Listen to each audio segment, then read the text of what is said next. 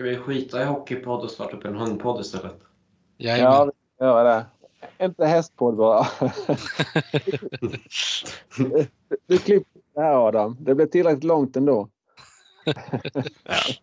Vi får se.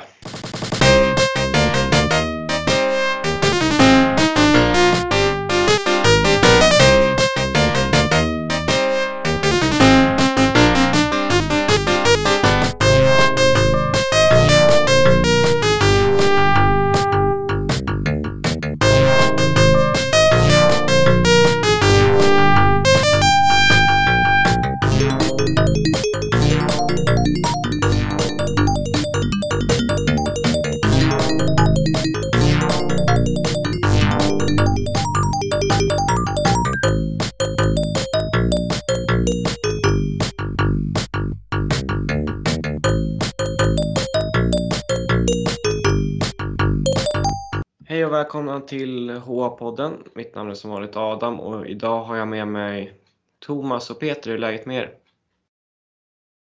Det är bra nere i Skåne, tack. Jo, men det är bra här uppe också i Ångermanland. Det börjar bli lite kallare nu, typ 10 minus ute. Klag, klaga inte Peter, vi har ett snöstorm här nu nere på Nävlingeåsen i alla fall så att eh, ja. men hundarna, hundarna skulle ut ändå. Ja. Det blåser alltid när du och jag spelar in podd tillsammans Thomas. Ja, det gör det.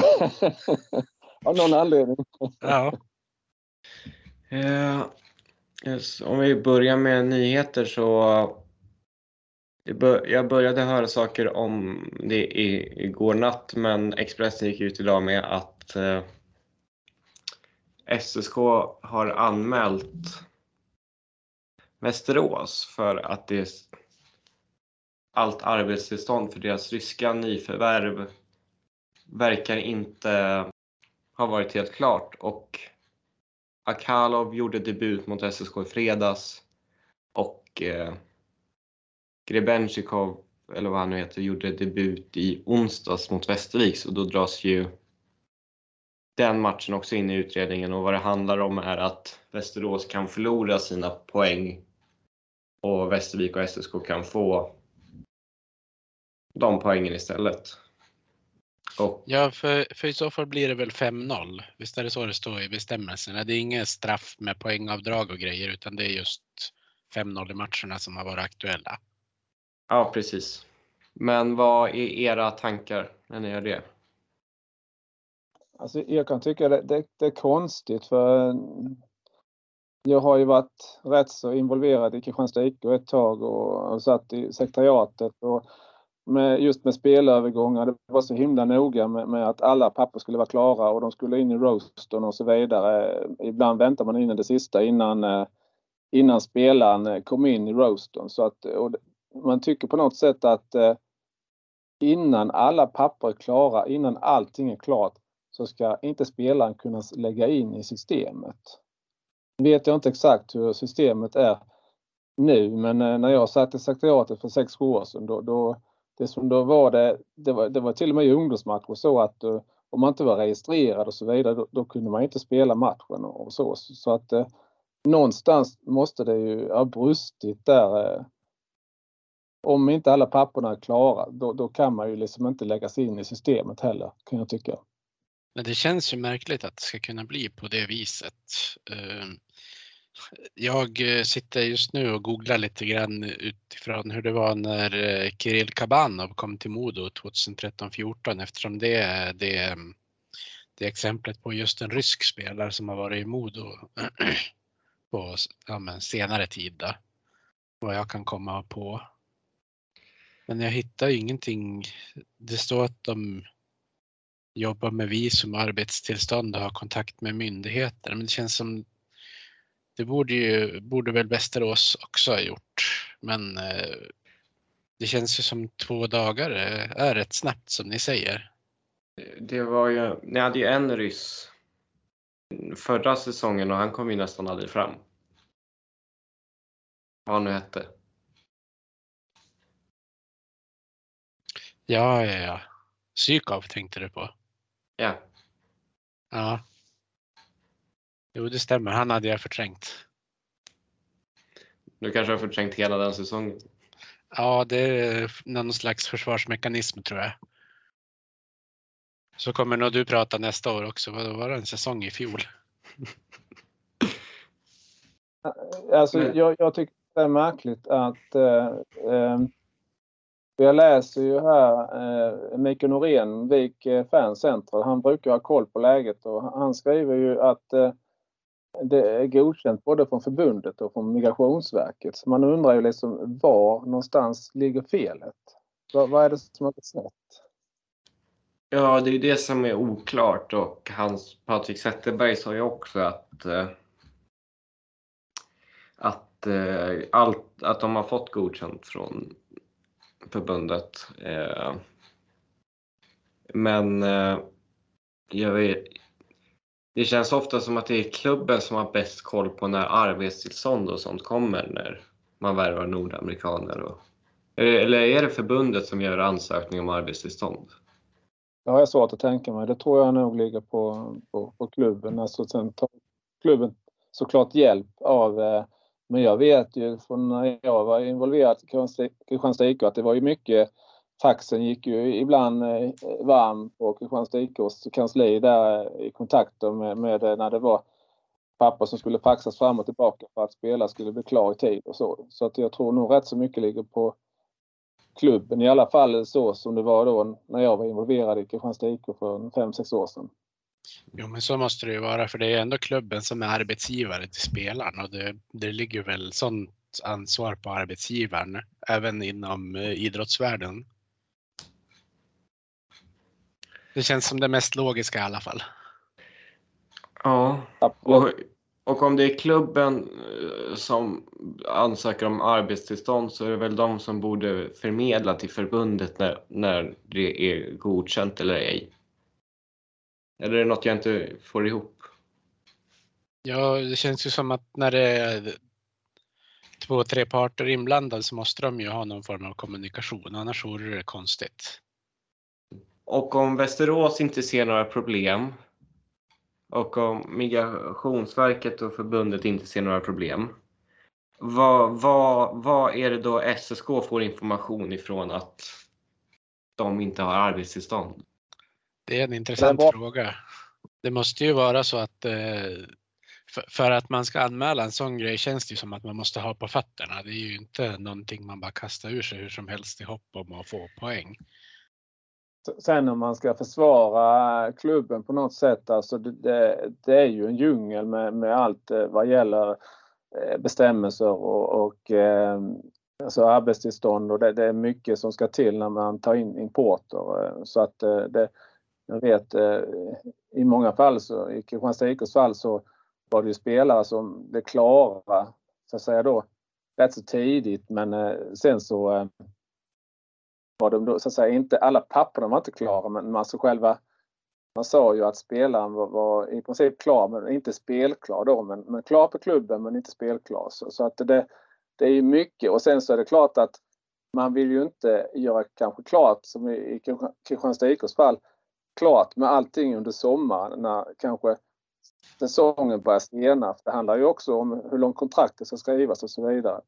Så då väntar man ju kanske rätt så länge innan man gör klart med papper med. Men, men i det här fallet så var det ju deadline-dagen och, och de jobbar in i det sista så att det, det, så kan det inte vara i det här fallet. Men det, det är ju så att det är mycket byråkrati och det är inte lätt för en idrottsförening kanske så, sen vet jag ju inte Västerås IK, är en pass stor klubb, om de har anlitat någon jurist eller, eller så liksom.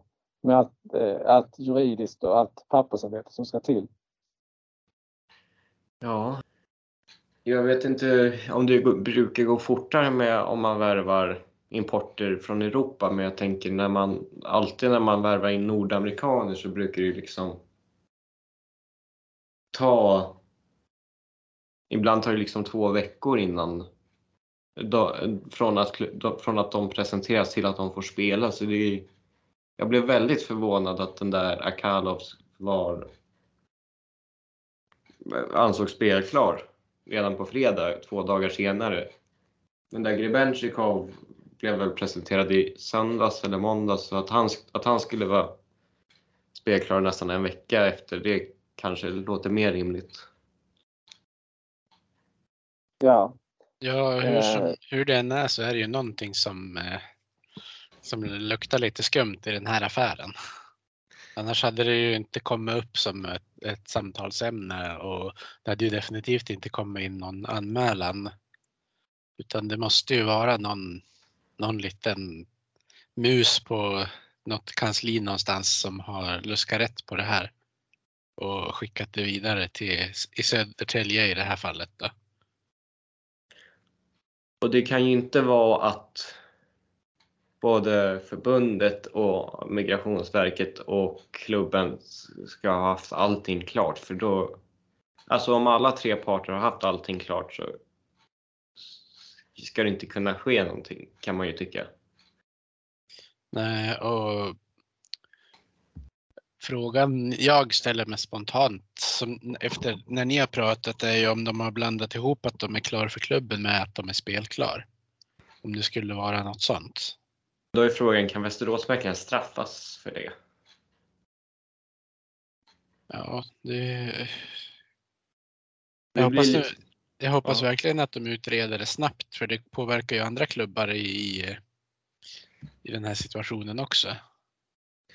Men det blir lite moraliskt dilemma om, eh, om, det, om det är förbundet eller något annat, alltså någon annan än Västerås som har klantat till det. För då blir det ju att det känns inte som att de förtjänar poängavdrag då för no, om de inte har gjort något fel. Men det är också att det är inte heller rätt att de fick ha två spelare som inte skulle vara med i en match. Ja, och kan det kan väl inte vara så att individerna i sig blir straffad på något sätt? För det kan ju inte vara de som har gjort fel. Nej, Nej, men, men, men återigen så eh, det borde ju finnas ett antal kontrollinstanser. Eh, alltså vad man än gör idag så ska man sätta check, check, check på olika grejer innan man kommer vidare. I princip vad, man håller på med, med all teknik och man sitter och, och Eh, framför datorn och eh, då ska man liksom, eh, man kommer inte vidare förrän man, man har satt en bock i den rutan och den rutan. Det borde vara likadant här liksom att eh, ryssarna borde ju inte komma med i eh, roastern förrän det är check på allting liksom. Det, det, det, det på, på något sätt så är det kontrollapparaten som, som har fallerat kan jag tycka. Men jag känner att vi verkar ändå överens om att det är någonting lurt. Um, och vi säger inte att Västerås har gjort någonting fel, vi vet inte det, men vi säger bara att någonting har uppenbarligen inte stått rätt till. Um, men eh, något många västeråsare har reagerat på är att eh, de verkar tycka det är väldigt dåligt av SSK som anmäler en annan klubb. Och jag har, ju, jag har definitivt åsikter om det, men jag kan ju upplevas som färgad av förklarliga skäl. Så, men vad tycker ni? Tycker ni att det är fel av SSK att anmäla om de tycker att något inte verkar stå rätt till? Eh, som jag sa innan så tror jag ju inte att de hade gjort en sån här anmälan om de inte tyckte att de hade väldigt mycket att stå på. Eh, för att det är ju, det är ju verkligen eh, som att skjuta sig själv i foten om det visar sig att de inte hade någonting att komma med sen. Eh, Jag minns ju hur det var för några år sedan när det var SM-slutspel där eh, klubbarna anmälde varandras spelare för eh, regelbrott som hade hänt för att, i hoppet om att få dem avstängd i sagda slutspelsserie och sådär. Eh, Sen kom de väl fram till att lösa den biten på något annat sätt. Men i det här fallet så finns det ju bara den instansen att gå som jag förstår det, att det är klubbarna som ska anmäla. Så på det viset så Södertälje sätter sig i en väldigt sårbar sits måste jag säga. Eh, men det är ju ingen annan som hade anmält det åt dem heller. Vad jag förstått så har, har det inte varit lite så kutym eh, att eh, föreningar inte ska anmäla varandra. Att det är lite sån hederskodex att man inte ska göra det. Att, eh, Men gäller inte det disciplinnämnden först och främst? det kanske Det här är känns- disciplin. Ja, ja, ja, Ja. Det, här, det här känns ju som något helt annat. ja, ja, ja, det är rätt Adam. Det är bra. Ja. Alltså, upp, uppenbarligen så är det ju något fel är ju begånget eftersom egentligen skulle ju inte eh, ryssarna fått spela. Eh, och eh, det ska ju... Rätt spelare ska, ska ju vara på isen. Så på något sätt så... så eh, jag kan förstå i Västeråslägret att det, det är paragrafrytteri och så vidare. Men samtidigt så, så någonstans måste det ju vara regler som, som, som bestämmelser som gör att eh, de spelarna som är klara, som jag sa, som har gått igenom den här kontrollapparaten, om, den, om den nu finns, eh, liksom, de, de kan vara med på isen. Men, men är man inte, är inte alla papper i ordning, är, är man inte spelklar fullt ut, då, då ska man ju inte spela. Och, som sagt, någonting har ju blivit fel och eh, jag kan ju förstå att eh, i det prekära läge som Södertälje är att man, eh, man vill eh, ha en fair match då att eh, det ska ja, det ska vara rätt spelare på isen som jag sa. Eh, men sen blir det lite konstigt då att man, man kan ju få att ja, den ena föreningen anmäler den andra och det, det blir det ju klart ju. Men det, är en- det, är en, det är en svår situation. Jag kan förstå båda sidorna. Att, ja, ja, jag, har lite svårt att se, jag personligen har svårt att se felet i att anmäla för det är ju det är inte SSK som tar något beslut utan de, de, har- de, de har hört förmodligen från ett bra håll att något är fel och så rapporterar de det. Jag har svårt att se varför det skulle vara fel. Om vi vänder Ja. på det så här Adam. Sen den här nyheten kom ut och reaktionerna har kommit och så. Hur, eh, hur känns det för er SSK-are? Jag, jag blir mest trött på att eh, de två har, att två spelare som inte skulle ha spelat spelade. Och sen gjorde de inga poäng av Västerås så att de mycket väl kunna vinna den där matchen utan dem. Men jag, jag vet inte vad jag känner, alltså det skulle bara kännas märkligt att få två poäng till. Alltså det är inget jag skulle jubla åt även om vi verkligen behöver det. Det, alltså, det känns bara mycket konstigt. det, det är konstigt att det är saker som sker utanför isen som ska påverka då det händelseförloppet som är på isen. Eh, jag satt och funderade här på eh, skulle inte gången kunna vara sådan att eh, Södertälje SK på något sätt får reda på att eh, det är något som kanske inte stämmer fullt ut i Västerås IK med ryssarna som har anlänt. Eh, att man tar kontakt med förbundet, det svenska ishockeyförbundet och att det, det är svenska ishockeyförbundet som anmäler istället som är anmälare. För det är, så fungerar det på många andra ställen i exempelvis i arbetslivet att man går vidare till huvudmannen som, som så säga, gör den formella anmälan då. Så att det Mm. inte det blir, man får ta ställning till eh, hur är det i det här fallet. Man får, man får liksom in en, eh, ja, en eh, rapport eller en slags anmälan men sen är det förbundet som tar beslutet då.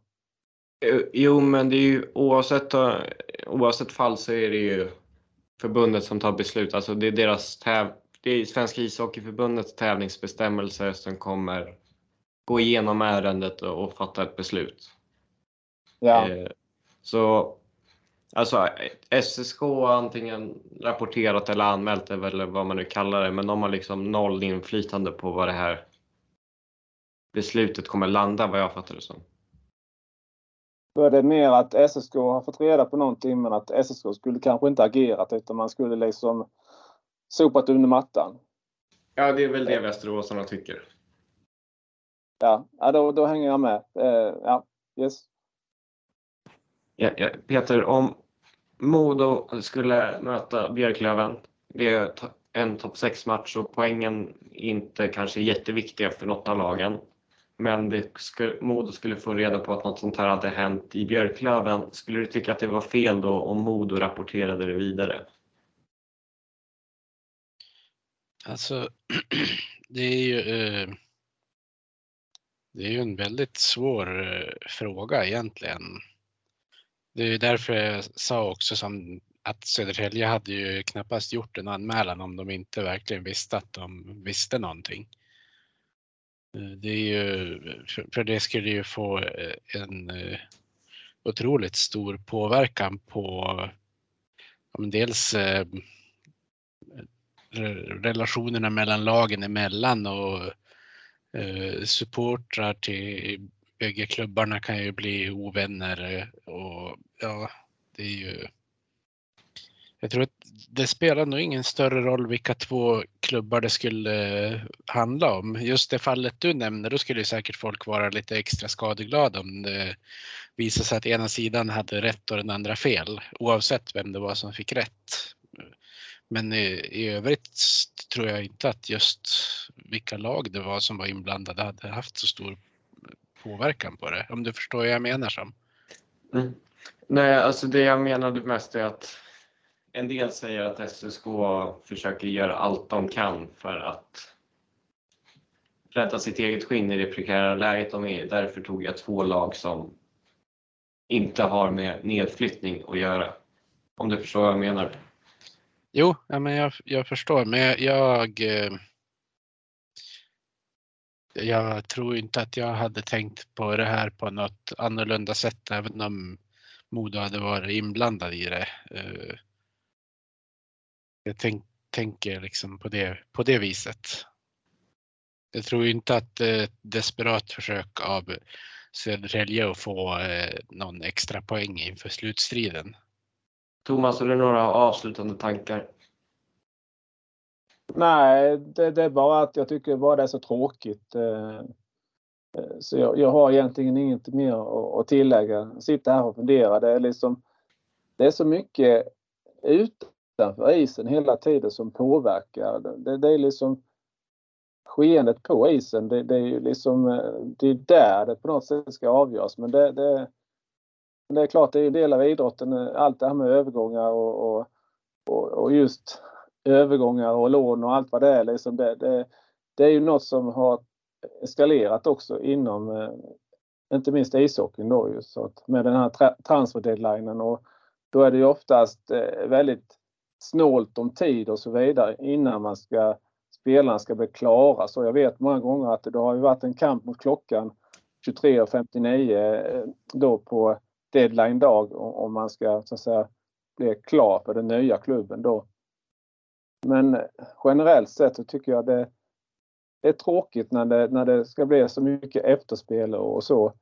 När det här liksom dyker upp då efter matchen har spelats. Eh. Det tar bort lite av glädjen med idrotten tycker jag.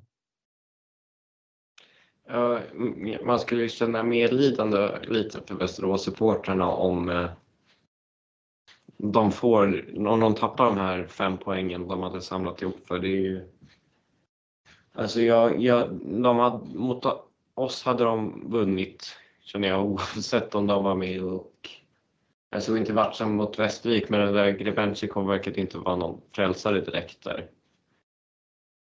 Ja, det, är, det är ju som Thomas säger, att det tar ju bort glädjen lite grann och det är väl därför vi har hållit det här tonläget när vi har pratat om det här också kan jag tänka mig.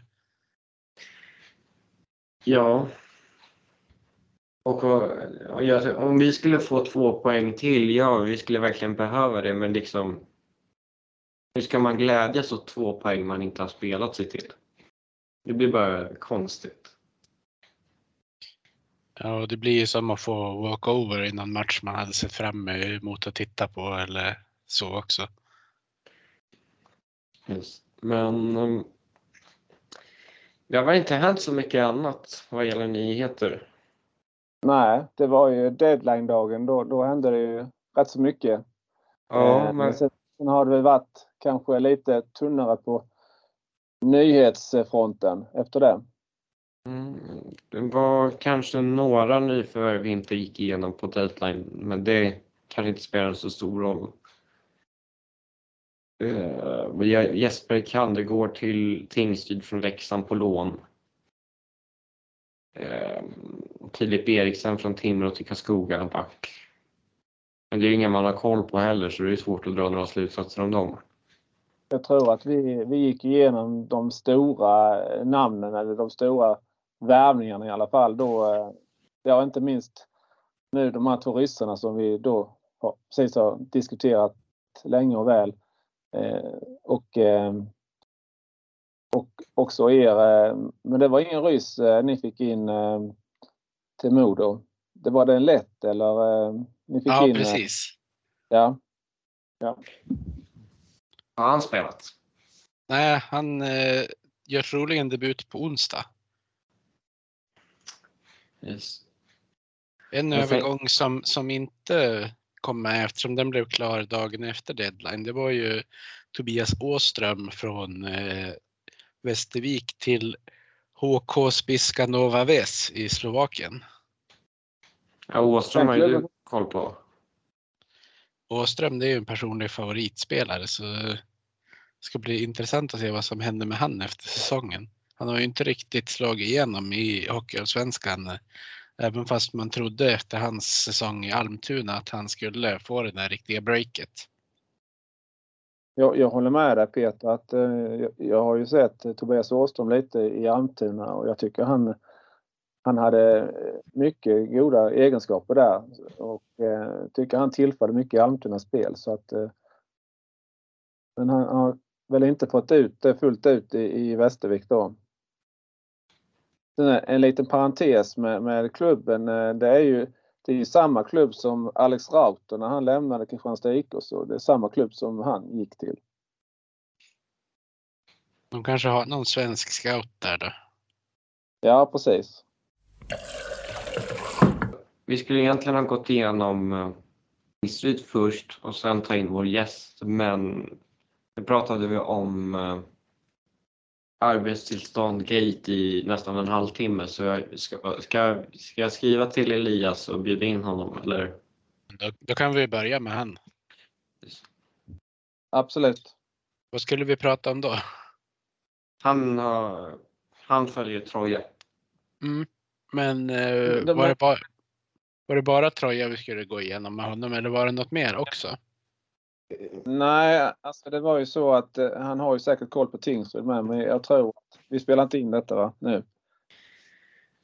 Eh, ja, de klipper bort det här sen. Ja, jag, jag tror att eh, Elias Ville han poddar ju med eh, Oskar Tingren också, Smålandsposten. De jobbar ju på Smålandsposten båda två. Skriver på Min Hockey. Men eh, det var som Max sa att Elias hade koll på Tingsryd med. Men jag tror att eh, Elias vill koncentrera sig på Troja bara. Så att eh, så därför så när jag pratade med honom tidigare idag att han kanske skulle vilja vara med både på Tingsryd och, och även då på Troja. Men då sa han att han ville bara vara med på Troja och eh, sen då när vi pratar bottenstriden också då som vi skulle koppla på därefter. Men frågan är, ska vi ta lite Tingsryd innan vi, innan vi går på? Han, skrev, han har skrivit till mig att han håller på och ansluter. Ja, men då, då kör vi så tar vi Tingsryd lite efter istället då. Eh, eller väger vi in Tingsryd i eh, bottenstriden där. Vi kan ju försöka få med dem på det viset. Ja, precis. Då behöver väl inte han svara på allting om, om Tingsryd då, utan han kan bara vara en del av diskussionen. Det kan vi, det kan vi vilken tillit ja. ni har för mig ändå att jag ska klippa bort det. Det trodde ni att jag skulle göra när vi väntade på Oliver också säkert. ja, jag har fullt förtroende för dig Adam. Du klippte bort det jättebra senast. Alla mina blundrar. Han skulle göra, Elias skulle göra, han, han gick ju ut, jag vet inte om ni har sett det på...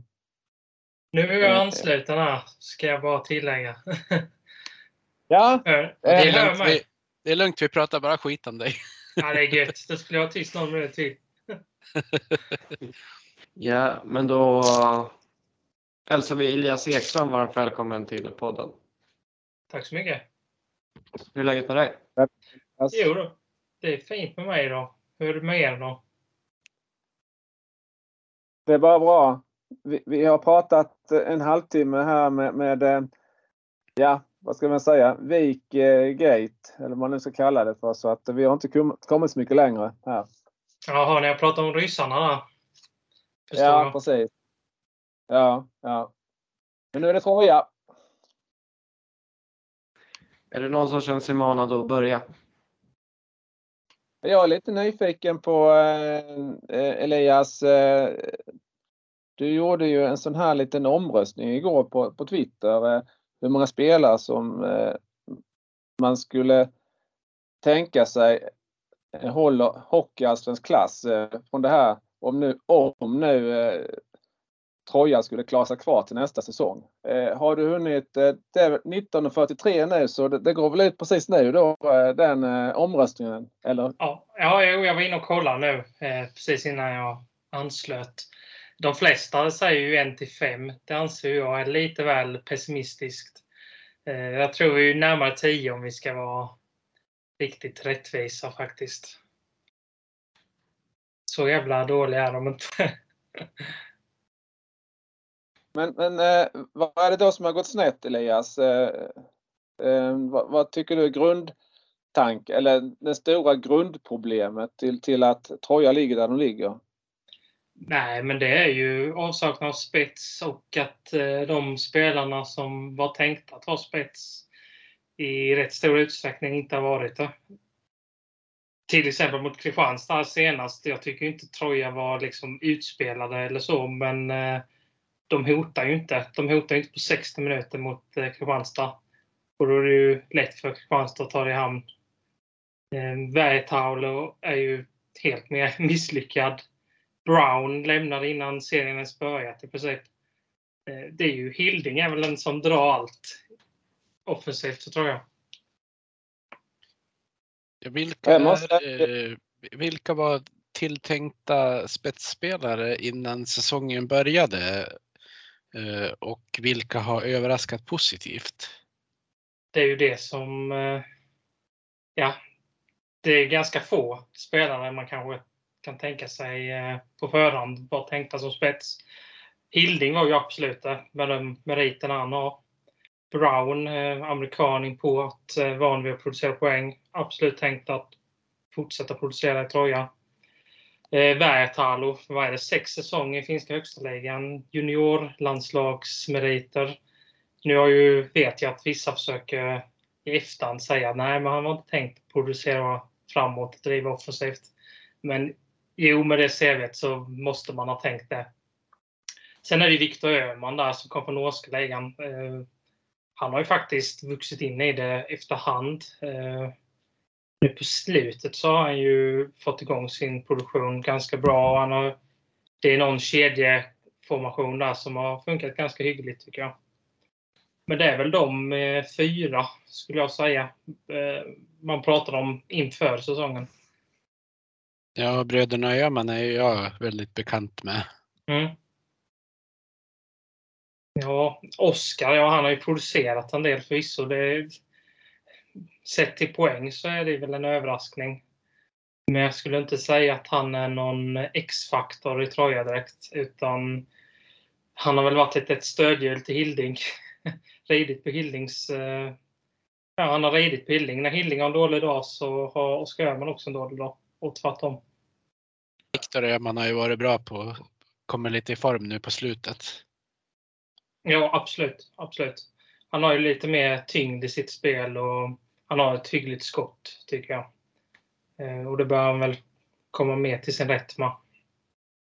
Eh, Om, vad heter det, om, om man har fyra tilltänkta spetsspelare inför och en får sparken direkt och en floppar ganska brutalt så det, det känns inte som att man har råd med att misslyckas med sina spetsvärvningar så mycket om man är nykomling. Daniel Håkansson, sportchef i Troja, har ju verkligen haft fel strategi. Man pratade ju redan under upptäcktsträffen att, eh, att man sparade budget för värv under säsong. man gjorde så med Brown och sa att ah, vi kommer ha en ersättare klar inom kort. Ja, man har plockat in spelare, men man har inte ersatt eh, Brown eh, på det sättet. Det är ju liksom fallit helt fel ut alltihopa. Sen ska man inte glömma att eh, Semjonov till exempel eh, värvade man in eh, rätt sent på säsongen. Han har ju stått utanför laget på slutet. Så man, man fortsätter misslyckas med sina värvningar. Hur tycker du att man har tänkt runt målvaktssidan då? Ja, det var väl tanken att Ragnarvall Ragnevall skulle stå, eller Lundin, han har ju nästan glömt bort. Det var väl tanken att det skulle vara jämnt mellan de två. Eh, Lundin kom väl aldrig riktigt i fas, kändes som. Eh, ja, det var ju kaos där med Ragnevalls avstängning och Anton kom in och gjorde det bra. Eh, ja. Sen nu har man plockat in en, tre, en fjärde målvakt för säsongen, eh, finsk. Jag tänker att det kan vara bra om Ragnevall har haft lite problem med sina hälar tror jag. Där och varit borta till och från under säsongen. Och om man nu ska spela ett kval så kan det väl kännas rätt tryggt att ha en till målvakt eh, som förhoppningsvis håller en hygglig nivå. Anton är ju tyvärr inte riktigt där.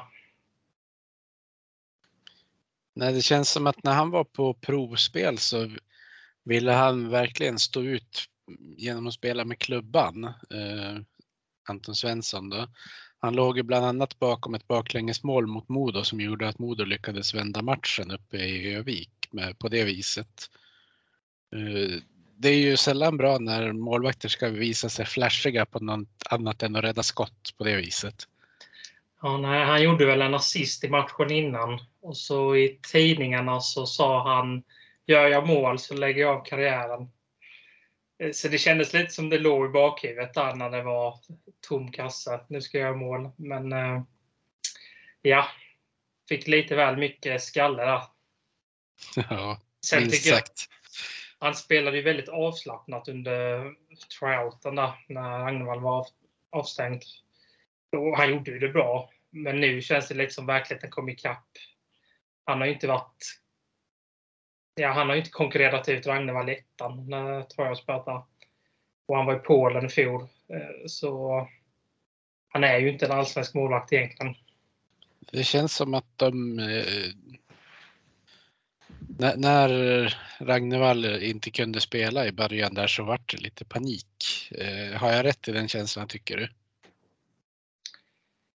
Ja, det är svårt att svara på egentligen. Man trodde väl på Ludin rätt hårt där och då. Eh, säsongen hade ju inte börjat om man fick, fick det beskedet. Så jag, jag tror om man hade vetat var eh, Lundin stod i, eh, i sitt spel så hade man nog velat plocka in något annat än Anton Svensson. Det tror jag. Men det, det, var väl så också Elias att eh, Anton Svensson fick ju bara kontrakt eh, under eh, Ragnars avstängning. Men eh, sen i och med att Lundin inte levde upp till förväntningarna så, så eh, fick ju Lundin lämna och Svensson var kvar då ju. Ja, jo, han konkurrerade ut Lundin. Absolut, det gjorde han. Uh, är det några spelare från ettan du tycker har tagit steget på ett bra sätt? Från ettan, ja. Emanuelsson, Jesper Emanuelsson har man ju trott mycket på. Han var ju verkligen en uh, sevärdighet i, i ettan förra säsongen. Ofta bra när det blev tajta matcher och viktiga matcher.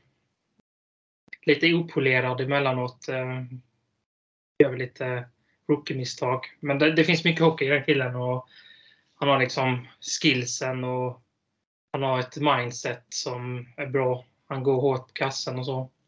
Annars är ju Kevin Karlsson verkligen en succéspelare. Han har ju varit i ettan många år. Många i ettan vet ju mycket väl om vem Kevin Karlsson är. Flashig back, offensiv. Och jag tycker han har tagit med sig det spelet i Allsvenskan bra och fortsatt på den linjen. Han är ju fostrad i ett lag som jag vet att Adams hjärta vurmar varmt för, Linköping. ja. Hej då Peter! Eh, Men eh, om, man, om man ser till matchen igår så de, de spelarna som jag la märke till eh, i positiv bemärkelse, då, det var ju nämnda Joakim Hilding och eh, Kevin Karlsson. Det, det, är liksom, det var ju de två som stack ut. Eh, eh, Hilding, han styrde ju rätt så mycket av spelet i offensiv zon och Kevin Karlsson med sin skridskoåkning. Han hade ju, drev ju upp pucken några gånger och, och vägspelade och fick tillbaks den och, och var nära liksom kom till avslut och, och så liksom. Så den speeden, det var ju ingen annan back i Troja som är i närheten av den. Så att han, han är ju rätt ensam i den rollen i, i Troja, kändes det som.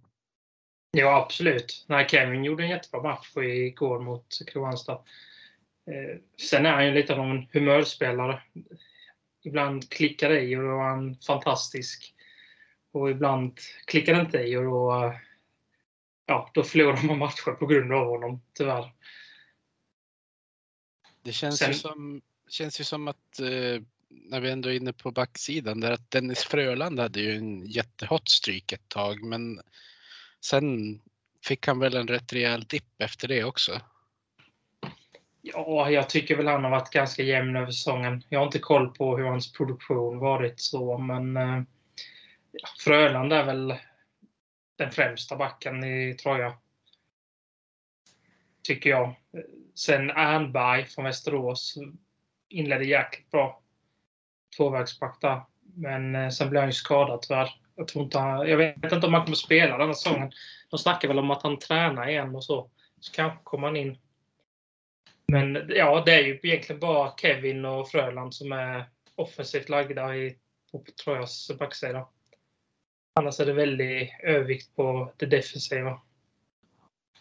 Om du då, om du då pratade defensiva eh, Elias så har du ju trucken. Eh, eh, jag vet inte, alltså han har ju burit eh, Trojas defensiv i många säsonger och nu de senaste säsongerna då i, i Hockeyettan och då har han ju så att säga varit ja, stabil helt enkelt. Men eh, någonting har hänt den här säsongen eller eh, eller vad, vad är din eh, syn på trucken den här säsongen? I våras när man kvalade upp för ett år sedan, då var han ju jättebra. Trucken, alltså hur stabil som helst och följsam. Men i Allsvenskan går det för snabbt för honom. Han hinner inte med. Det är tacklingar liksom. Det har vi ju redan sett ettan där med tacklingar. Han är ju känd för att sätta in tacklingar. Det är liksom hans signum. Men eh, på senare år så är ju fel ute många gånger. Det går för sakta för honom och då, då blir det ju livsfarligt. Det har blivit någon av- avstängning också då. Han var ju avstängd igår mot Kristianstad. Ja, han fick väl tre matcher där mot, eh, efter BIK Karlskoga. Jag vet inte om ni har sett tacklingen han delade Jo. ut. Jag eh, debatterade den med några Facebook-fäktare som tyckte att allt ansvar skulle ligga på den som tog emot tacklingen oavsett situation. Jag tycker det har blivit en, en löjlig debatt sen Niklas Wikegård sa det här med att åka runt med en cigg i mungipan och, och se glad ut på isen. Jag tyckte den, den tacklingen han satte in, han, han såg ju hela vägen att killen hade huvudet vänt åt andra hållet. Han hade kunnat nöjt sig med att bara markera att han var där. Mm. Nej, jag håller med. Jag tycker han tar alldeles för mycket kraft i den situationen. Men det är lite det med trucken. Han, eh, han hinner inte ändra sig. Det, ja, det är många gånger det, det blir något själv för mycket. Och sen är det väl svårt att avgöra om den tar huvudet eller vad den tar. Men den tar ju där uppe någonstans. Ja, jag tänkte Det- inte på vart, var, just vart, eh, vart tacklingspunkten var någonstans utan jag tänkte mer på att han såg hela vägen, att killen inte såg honom. Det var där jag tyckte största problemet låg. Mm. Ja, han satt ju laget i en jävla sits också. Man hade ju redan en utvisning och drar på sig en femminutare där. Då ger man eh, Karlskoga ett bra läge att avgöra matchen. Och de gjorde ju inte mål just i det läget, men eh, det byggde ju upp resten av perioden för stark dominans av Karlskoga. Så, ja. Och sen där, just Karlskoga-matchen förlorade man ju lite på grund av eh, målvaktsspel av någon konstig anledning så valde man ju att spela Anton Svensson i den här matchen. Trots att man precis hade värvat en ny målvakt och Ragnevall har, har varit på uppgång. Eh, och han släppte ju två ganska billiga puckar förbi sig där. Och då har man tuff uppförbacke i resten av matchen. Ja, jag såg en av dem, men inte den andra. Nej, en var väl från eh, låg vinkel, nästan... Eh, ja. Han skulle bara täcka stolpen egentligen. Ja, precis. Det var den, den jag såg. flög över axlarna. Så. Ja. Men eh, förutom målvakten så sist in är ju Oskar Eriksson, backen som, eh, som kommer från Skellefteå men även har spelat i, i BIK. Vad tror du han kan tillföra? Ja, framförallt konkurrens. Man höjer ju nivån lite. Eh, Trycken har vi redan diskuterat här, att eh, han inte riktigt håller måttet. Med Eriksson in så tycker jag ju trucken ska vara sjunde pack. Så den skillnaden gör han. Så förhoppningsvis lite mindre misstag. Lite stabilare defensiv, tänker jag att han kan tillföra. Men jag vet inte. Han har inte jättehögt eh, självförtroende heller, den här killen. Ung kille dessutom. Så det är svårt att veta vad man kan förvänta sig. Ja. Det, det är en väldigt talangfull spelare. Han var faktiskt ganska bra när han fick spela med oss förra året men sen eftersom vi var ett topplag då så hade vi ganska hög konkurrens på backsidan då. Prioriterade kanske mer defensiva backar framför honom men eh, jag tror att om man kan få upp självförtroende i honom så är han absolut en gedigen back på Hockeyallsvensk nivå. I Troja lär han ju vara topp fyra skulle jag gissa. Det är väl Fröland, Kevin Karlsson i alla fall. Sen kan man väl diskutera vilka de två andra skulle vara. Men eh, Eriksson har goda möjligheter att vara med där och han kommer ju få garanterat få speltid både i boxplay och powerplay. Eh, skulle de hamna i en, en känslig sits på något sätt eh, om, eh, om trucken blir sjunde back med tanke på att han är lagkapten? Tror du det skulle påverka någonting? Nej, jag tror faktiskt Troja jag är rätt bra ställt på den punkten. Det är likadant på alla lagdelar tycker jag. Jag tror inte Anton Svensson surar ihop för att han blir tredjemålvakt. Skulle han komma in i ett kval och spela så kommer han ha bra moral fortfarande. Det är samma sak på backsidan. Trucken och Niklas Enberg. De är liksom bor i Ljungby, etablerade i Ljungby, känner starkt för Troja. Om de är utanför laget så... Eh, nej, de kommer inte... De kommer fortfarande ha hög moral och kunna spela när de får chansen. Och det är likadant på forwardsidan. Där har man till exempel Tobias Törnqvist, eh, eh Sjögren, eh, Eriksson. De tre där, de särskilt Tobias Törnqvist tänker jag han eh, skit fullständigt om han eh, inte får följa med laget på tre veckor och sen får hoppa in i en kedja direkt. Han, eh, han ger järnet direkt. Annars kan det ju vara känsligt, tänker jag, i många andra lag att eh, spelarna hamnar utanför. Att de blir stötta i kanten och kanske snackar lite skit och så. Det blir dålig stämning. Ja, det finns väl alltid en risk för det om det är Särskilt någon som har blivit invärvad för att vara spetsspelare och inte motsvara förväntningarna. Nej men precis. Eh, typ Semjonov har man ju ställt utanför nu på slutet. Där kan jag kanske tänka mig att han har blivit lovad rätt mycket speltid och en roll i powerplay och så. Så jag kanske inte är så glad över att inte vara en del i laget längre. Sen vet jag inte om eh, Forsberg försöker parera det för han eh, har ju en tendens att ha en extra forward med sig varje match som eh, klart spelar 5 mot 5 men som spelar powerplay och som spelar när laget jagar reducering och kvittering i slutet av matcherna. Jag tycker det är en liten speciell strategi från hans sida. Men... men på tal om Roger Forsberg, känns han som rätt man på rätt plats? Ja. Det är ju jättesvårt att avgöra för många vill ju påstå att Trojas lag är så svagt så han kan inte göra mycket mer. Men eh, en bra tränare brukar ju göra ett lag bra också. Och kollar man Forsbergs eh, historik så, så har han väl inte egentligen lyft något lag som man har tränat till oanade höjder. Utan de har väl producerat ungefär den hockeyn som de haft material till. Tänker Timrå, det var väl ett ganska mediokert lag när han var där. Jag tänkte säga att jag minns en säsong i Timrå när, Eh, när deras supportrar tyckte att han borde ha fört dem till uppflyttning. Jag vet inte om det var 16-17 de tänker på när de hade ja, men eh, Elias Pettersson bland annat var väl med då. Så de, de tyckte väl att han hade underpresterat mot det laget han hade den, den säsongen. Jo, men det kan jag tänka mig. Han var ju där i tre år, ja. Och det var väl när han lämnade som, som Timrå lyfte. Så. Och Västervik var ju på väg ur serien när han var där. Och i Troja i ettan så visst, Troja, Troja är ju ett av de stora lagen i ettan när man är där. Men eh, det har väl varit lite sisådär. Förutom då när man gick upp i fjol. Helt plötsligt. Lite otippat faktiskt. Det var inte i fjol man räknade att jag skulle gå upp.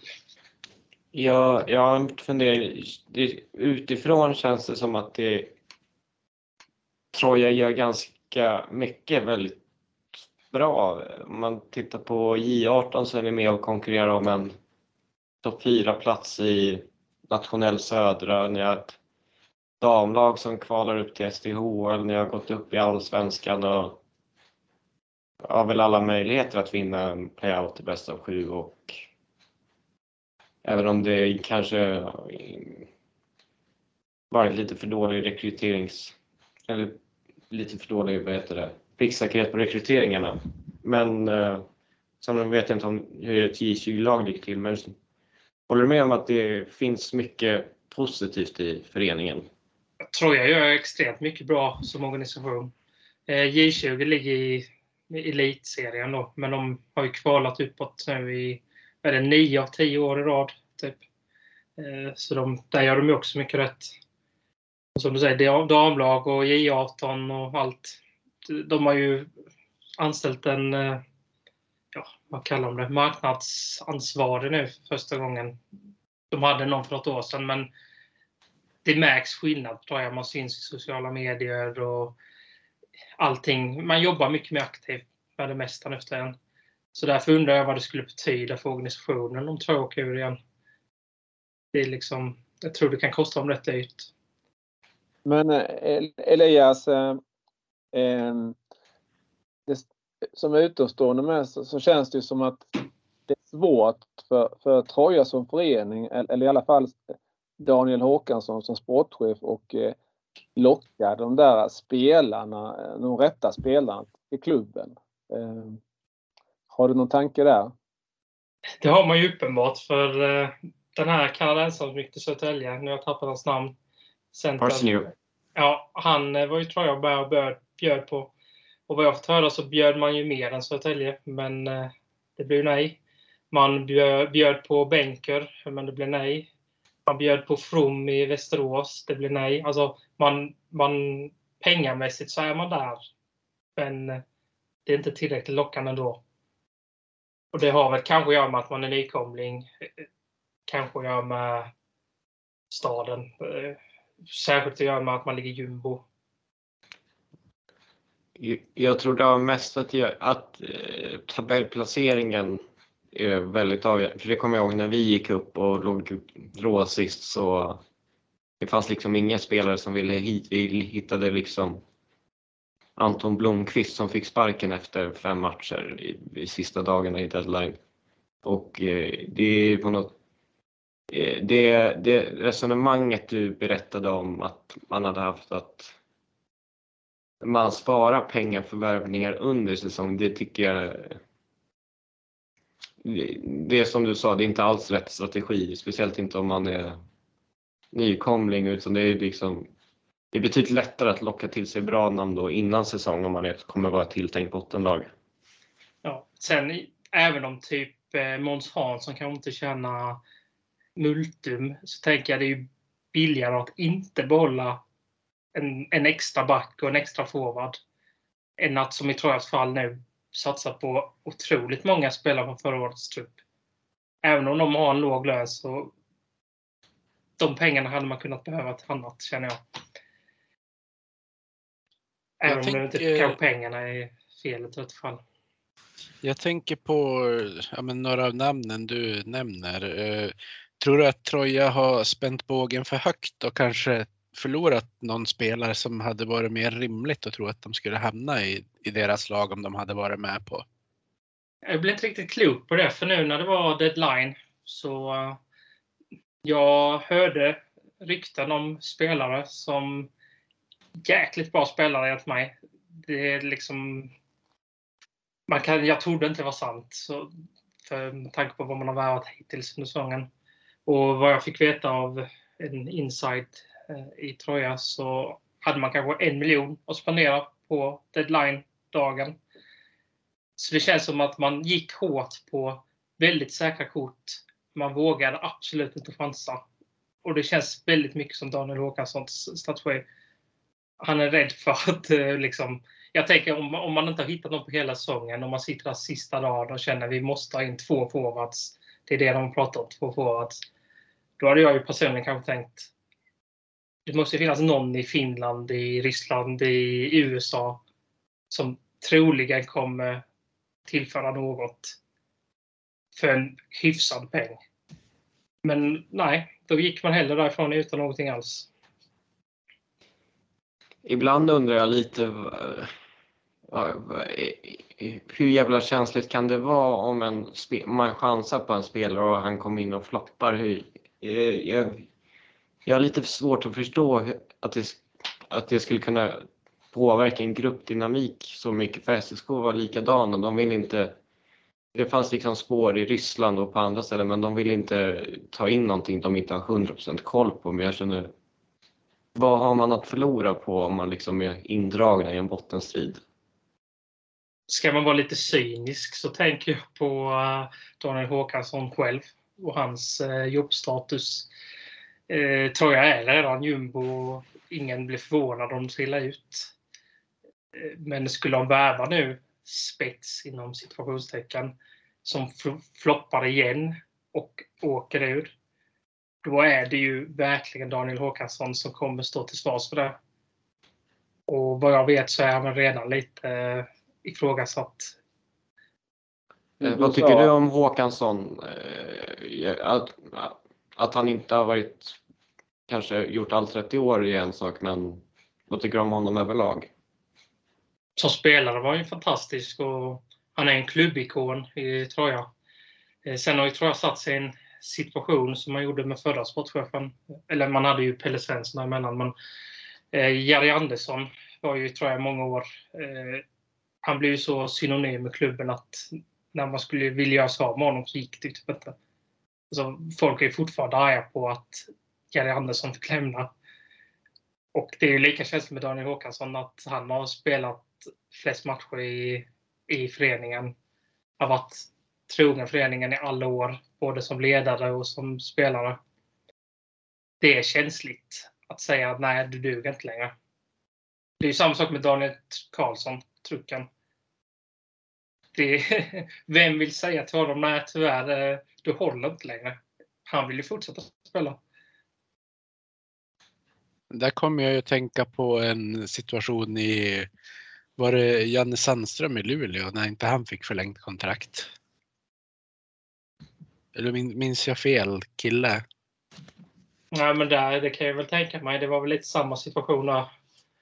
Han hade varit så länge i föreningen och lite för självklar på något sätt. Men ja, Håkansson i ettan har ju hittat några riktiga guldkorn. Han har ju gått ganska blygsamt fram där också, precis som gjort nu i Allsvenskan. Eh, typ Emanuelsson värvade man ju från division 2. Eh, men det, det har ju funkat jättebra. Eh, han var ju verkligen en succé i fjol. Så, ja, nej, det är svårt att säga. Lite försiktigt för min smak, men eh, samtidigt är ekonomin i behåll. Så det är en svår balansgång. Men eh, eh, Elias, om man tittar på det spelmässiga. då- Jag blir inte riktigt klok på Troja. Eh, för vissa matcher så spelar ju Troja riktigt bra och eh, eller, eller är det så att Troja har lättare för vissa motstånd? Jag tänker exempelvis på att Troja har relativt lätt för Björklöven exempelvis som, som är ett topplag. Även om Björklöven kanske inte just nu spelar som ett topplag. Men, men eh, och eh, HV71 var ju Troja nära att knipa poäng mot också hemma. Det blev väl 0-2 och sista målet, andra målet i tom kasse. Menar, det... På bortaplan var man ju bara ett stolpskott från att kvittera mot HV under hösten. Så det är två matcher man varit riktigt nära mot dem. Eh, men eh, ja, så är det väl med alla lag. Att de har lättare mot vissa och svårare mot andra. Sen, ja. sen tror jag att Troja kanske inte orkar hålla uppe sitt spel under en längre period. Utan det blir lätt så att man eh, rätt för det hittar, hittar energi och hittar rätt i en, två matcher. Och sen faller man igenom igen. tycker vi har sett det många gånger under säsongen att man har tänkt nu, nu har de hittat rätt. Men sen tar energin slut. Sen är det klart att man som eh, Troja-supporter så ser man ju att Troja har ju ett antal hängmatcher då mot lagen ovanför man spekulerar, ja men tar Troja si och så många poäng där då kan man eh, nå ikapp eller bara vara några poäng efter. Men samtidigt så är det ju eh, det, det, du säger nu att man kanske har svårt att hänga i ett antal matcher i sträck. Det är ju, Troja har ju mest matcher av alla lagen i princip nu då här på slutet. Ja, jag har ju mycket svårt att tro att Troja kommer klättra. Man har ju inte lämnat eh, jumboplaceringen sedan, tror jag, omgång 13. Man senast var något annat än jumbo. Eh, sen, eh, ja, om Troja ska klättra så måste de ju höja sitt poängsnitt liksom väldigt mycket. Eh, det känns ganska osannolikt eh, med tanke på hur det ser ut. Då har man ju dessutom vad är det, tre matcher mot Västerås och två mot Mora kvar tror jag. Eh, som Mora har man haft väldigt svårt för och Västerås Ja, det är Västerås och Västerås. Det är ett bra lag. Det, så även om man har vad är det, två matcher mindre spelare än Vita Hästen så har man ju ändå 10 poäng upp till dem. En sak som, som slår mig lite grann med Troja Ljungby eh, det är ju att de, de släpper ju inte in i närheten av eh, flest mål i serien men de gör ju överlägset minst. Eh, vad tror du att det kan bero på? Nej, det är väl att man, eh, man är noga med grunderna. Det är liksom defensiven först. Så har det ju varit i ettan också. Tror jag varit tror jag inte varit någon ångvält som har kört över sina motståndare utan det har varit tålmodigt spel, byggt upp. Sen eh, i ettan så kanske de andra lagen inte haft samma disciplin. Då tror jag kunnat vinna sina matcher. Och det är väl lite samma sak här i Allsvenskan. Man försöker spela disciplinerat och tålmodigt. Och när det funkar så kan man vinna. När man vinner så är det kanske oftast med 2-1 alltså det är få mål i matcherna med något undantag. Eh, sen när det inte funkar så, så har man inte kraft nog att göra fyra mål i en match. Det dröjde ju ganska långt in på säsongen innan Troja gjorde två, mer än två mål i en och samma match. Eh, jag kommer ihåg att eh, det gick ett helt gäng omgångar. Jag tror jag gjorde ett mål och två mål, men inte mer. Men sen, sen är det väl så eh, Elias att eh, vi har pratat om Joakim Hilding här några gånger. Eh, han, han har ju på något sätt burit hela offensiven och eh, då när Troja eh, kom in i ett litet stim där, det var ju i samma veva som Oskar Öhman också kom in i ett stim. Han gjorde väl mål i åtta matcher i rad vad det var och firma Öhman, Hilding, de ja, producerade ju poäng i rätt så hög utsträckning och eh, det räckte ju rätt så långt att bara den duon, eh, att Troja hade en duo där som kunde göra några mål i varje match. Ja absolut. Hilding, eh, ja, eh, det Hilding hänger ju mycket av Trojas spel på. När de ska ha chans att vinna. Nu vet jag inte hur det står just nu, men ett tag så hade ju Hilding gått poäng i alla matcher Troja hade tagit poäng i. Så Troja hade inte tagit poäng i en enda match utan att Hilding hade gjort poäng i den matchen. Då. Nu har det väl hänt vid något enstaka tillfälle. Men det är ju lite så om Hilding är på humör så har Troja chans att vinna. Eh, sen kan han ha lite måndagssvackor och eh, då är det inte mycket Troja som utmanar. Degerstedt vi... har de ju fått in nu med Hilding där. Hilding, Öhman och Degerstedt och det har ju funkat relativt bra. Men man har ju inte någon riktig andra kedja där bakom egentligen. Det var en liten period som Johanov och eh, Viktor Öhman eh, klickade i ganska bra. Men, ja. Jag tror vi sa i första eller andra avsnittet att om Hilding skulle gå sönder så skulle det mer eller mindre vara kört för Troja. Det, jag tänkte efteråt att vi kanske överdrev lite men det tror jag inte ni gjorde. det känns verkligen så. Hilding, eh, ja. Det, det, får inte lov att ske. Det var väl lite samma sak med målvaktssidan där om Ragnevall skulle vara sönder i ett kval. Eh, nu har man ju Ruso från Finland och då känns det lite stabilare. Men under deadline så skulle man ju behövt ha in en spelare som skulle kunna täcka upp för Hilding vid skada. Det kanske var en svår spelare att hitta på en marknad eh, som ändå har, verkar vara ganska så eh, ja, men, marginell om man säger så. Ja, samtidigt så är man och tittar på spelare i Dynamo Riga så tycker jag man borde haft utrymme att hitta något. Eh, ja, nej, det, det är såklart svårt att säga, men jag tycker att eh, man borde ha kunnat hitta någon mer om man har budgetutrymme. Jag förstår att lag som eh, Antyden till exempel, där ekonomin säkert är pressad.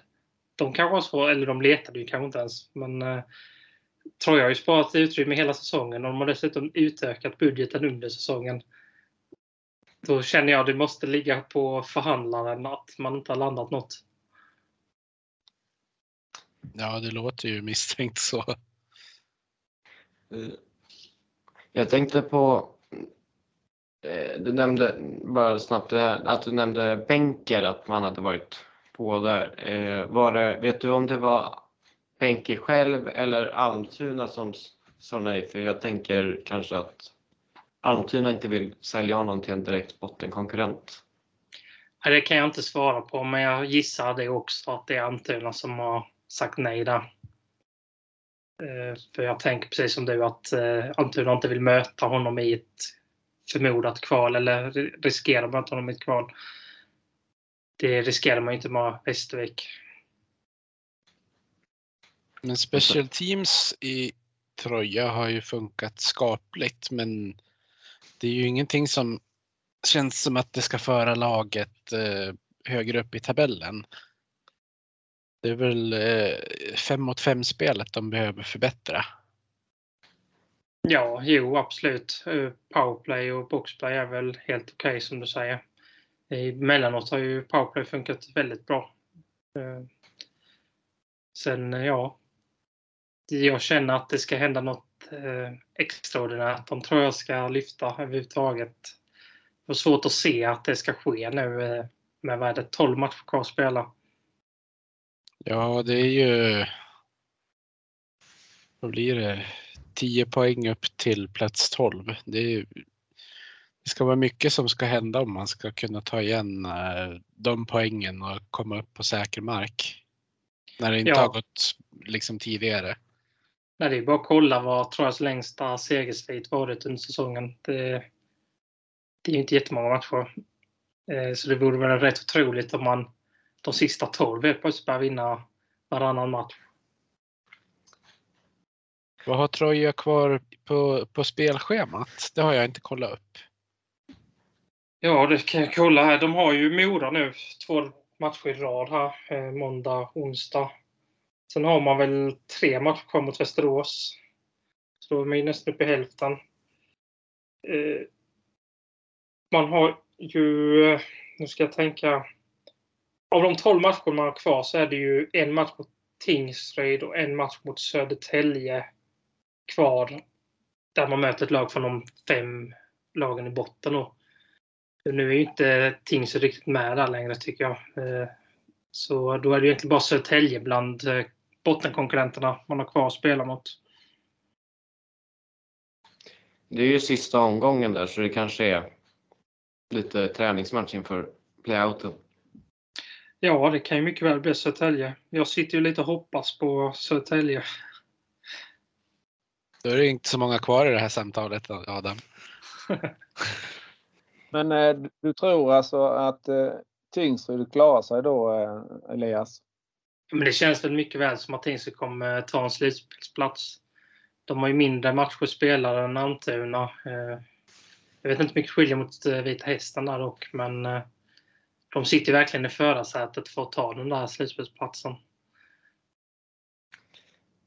Just nu känns det väl som att det är Södertälje och Vita Hästen som kommer slåss om att komma tolva.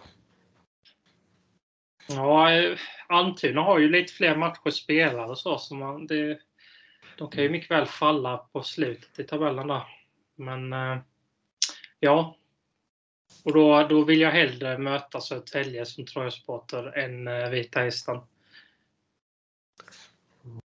Jag vet att eh, vi pratade eh, några veckor sedan om att Södertälje skulle kanske vara det laget som skulle ha mest svårt av de indragna att klara av en playout. Och jag höll med dig om det då, men jag är inte lika säker på det längre efter tränarbytet. Nej, tränarbytet eh, det kom nog lägligt för Södertälje, men eh, jag tänker att eh, den mentala pressen lär ju vara rätt stor. Södertälje, det är ändå en stor klubb och mycket historia och supporterskalan i Södertälje har ju en tendens att sätta åt föreningen ganska rejält när det går tungt. Så jag tror att det kan vara rätt tunga axlar där. Och det tror jag passar Troja. Om vi jämför med till exempel Almtuna där jag tänker, vem fan bryr sig om Almtuna?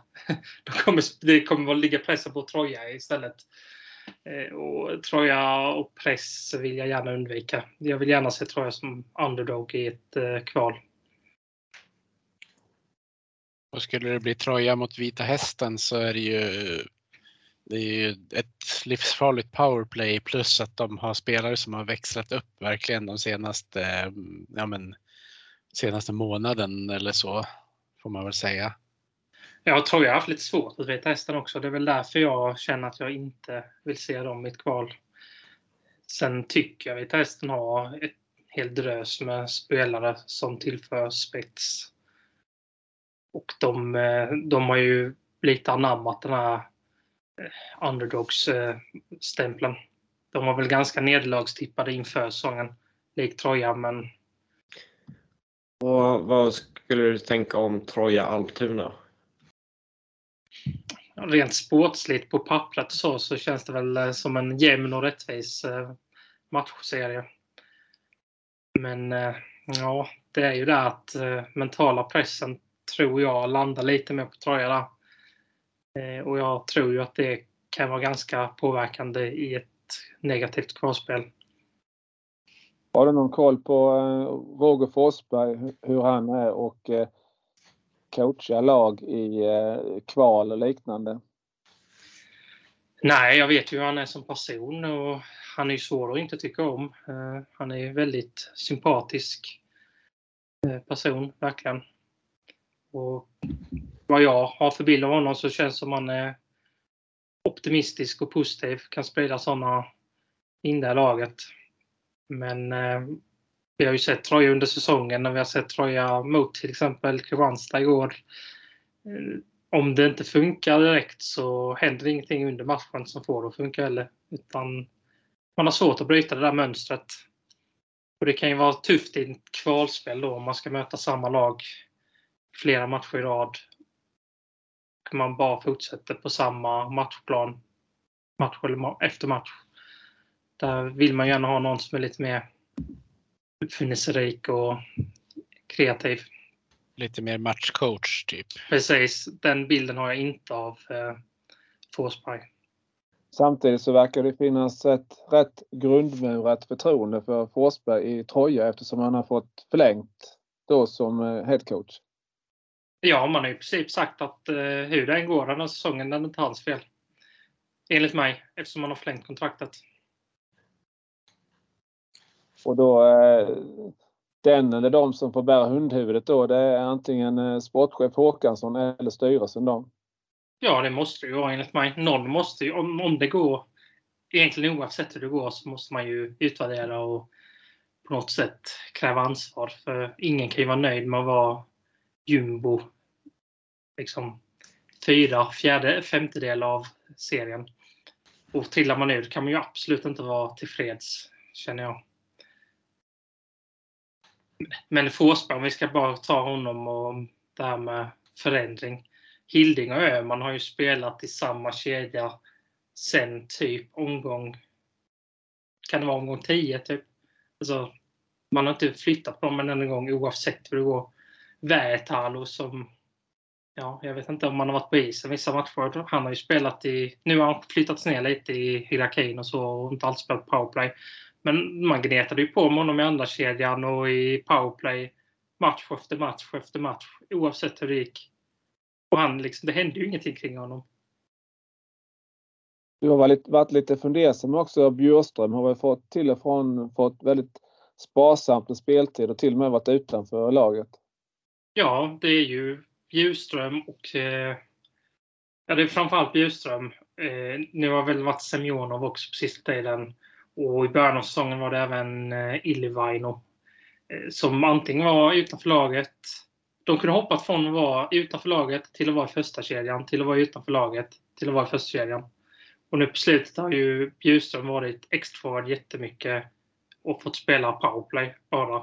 Och eh, när man tagit ut målvakten och jagat en kvittering eller reducering. Vilket jag känner, visst hans spelstil gör kanske inte så rättvis i en eh, rollkedja. Men eh, tänker också det är svårt att hoppa in kall i tredje perioden och ska kvittera en match. Så jag vet inte om man gör honom rättvist där riktigt. Det låter lite grann som, eh, som att han inte har hittat in överhuvudtaget. Ungefär som Robert Rosén gjorde sitt enda år i Modo. Han var ju bara inne och spelade powerplay egentligen då. Ja, jag tycker väl att man typ heter man Alexander Wetchkin kan man väl slänga in en sån spelare kall i avgörande lägen några matcher. Men en hel säsong och gneta på med en spelare som absolut inte är etablerad på nivån. Ah, jag är skeptisk.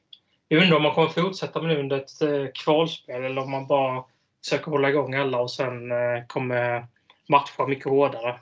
Det önskar man ju det känns lite som när Troja haft mycket skador så, så man ju nästan spelat bättre. Det är då man tog ju poäng mot...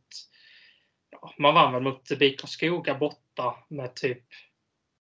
Ja, det var jättemånga spelare borta i alla fall. Man hade ju i princip bara division 1-spelare i laget plus Hilding. Och, eh, så det känns ibland som man kanske matchar lite för brett. Eh, hur tycker du att intresset runt om klubben är?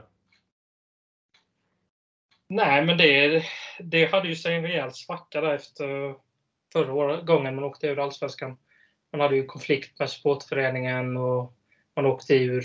Eh, första året där i ettan var det ju väldigt lågt intresse kring matcherna och det var ingen, inget tryck på läktarna eller något sånt. Eh, sen eh, där under pandemiåret så startade en ny förening, sportförening, med lite äldre familjefarsen nästan och yngre killar.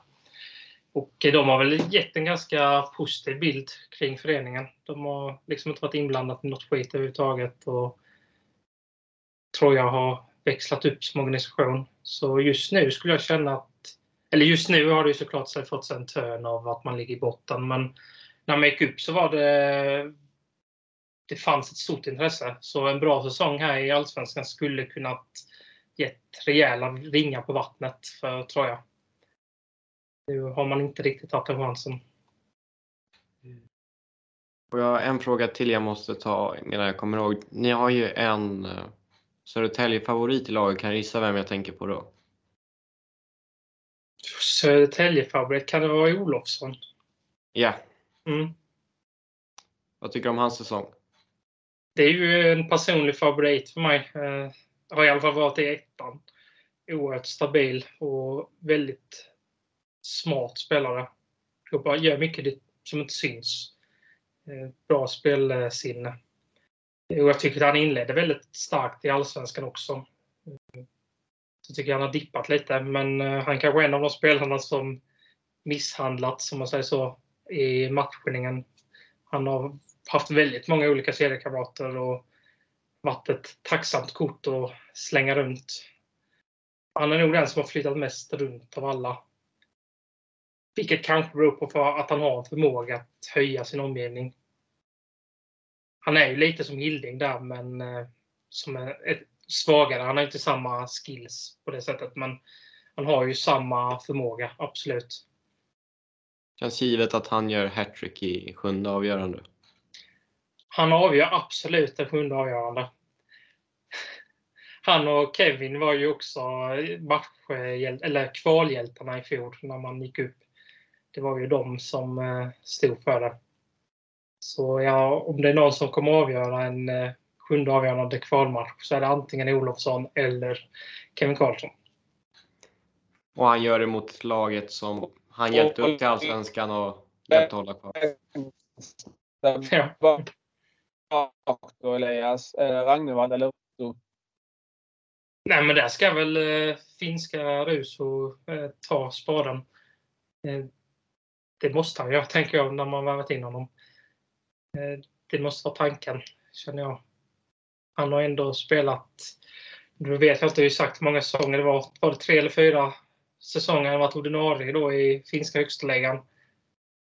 Eh, fyra nästan va? Och sen har han ju landslagsmeriter från J20-landslaget i Finland. Så med de meriterna så ska han väl vara en eh, första målvakt. Nej, jag, jag, tänker lite hur, hur, det var förra säsongen när eh, Kalle Klang var ju så att säga den avgörande faktorn i, i playouten mellan eh, Kristianstad och Väsby. Och, eh, målvakterna är ju oerhört viktiga, inte minst i de här avgörande nerviga matcherna. Så att eh, det finns nog kanske en baktanke där när Håkansson tog in eh, Russo att eh, han ska bli tungan på vågen där i eh, playout. Absolut och framförallt att man kan variera mellan två målvakter som eh, förhoppningsvis ska kunna vara matchhjältar. Ragnarvall kan absolut vara det. Och Russo ska väl förhoppningsvis hålla en nivå högre. Sen med tanke på Vätalo då, han hade ju vad var det, sex raka säsonger i finska högsta ligan och också med det från J20-landslaget.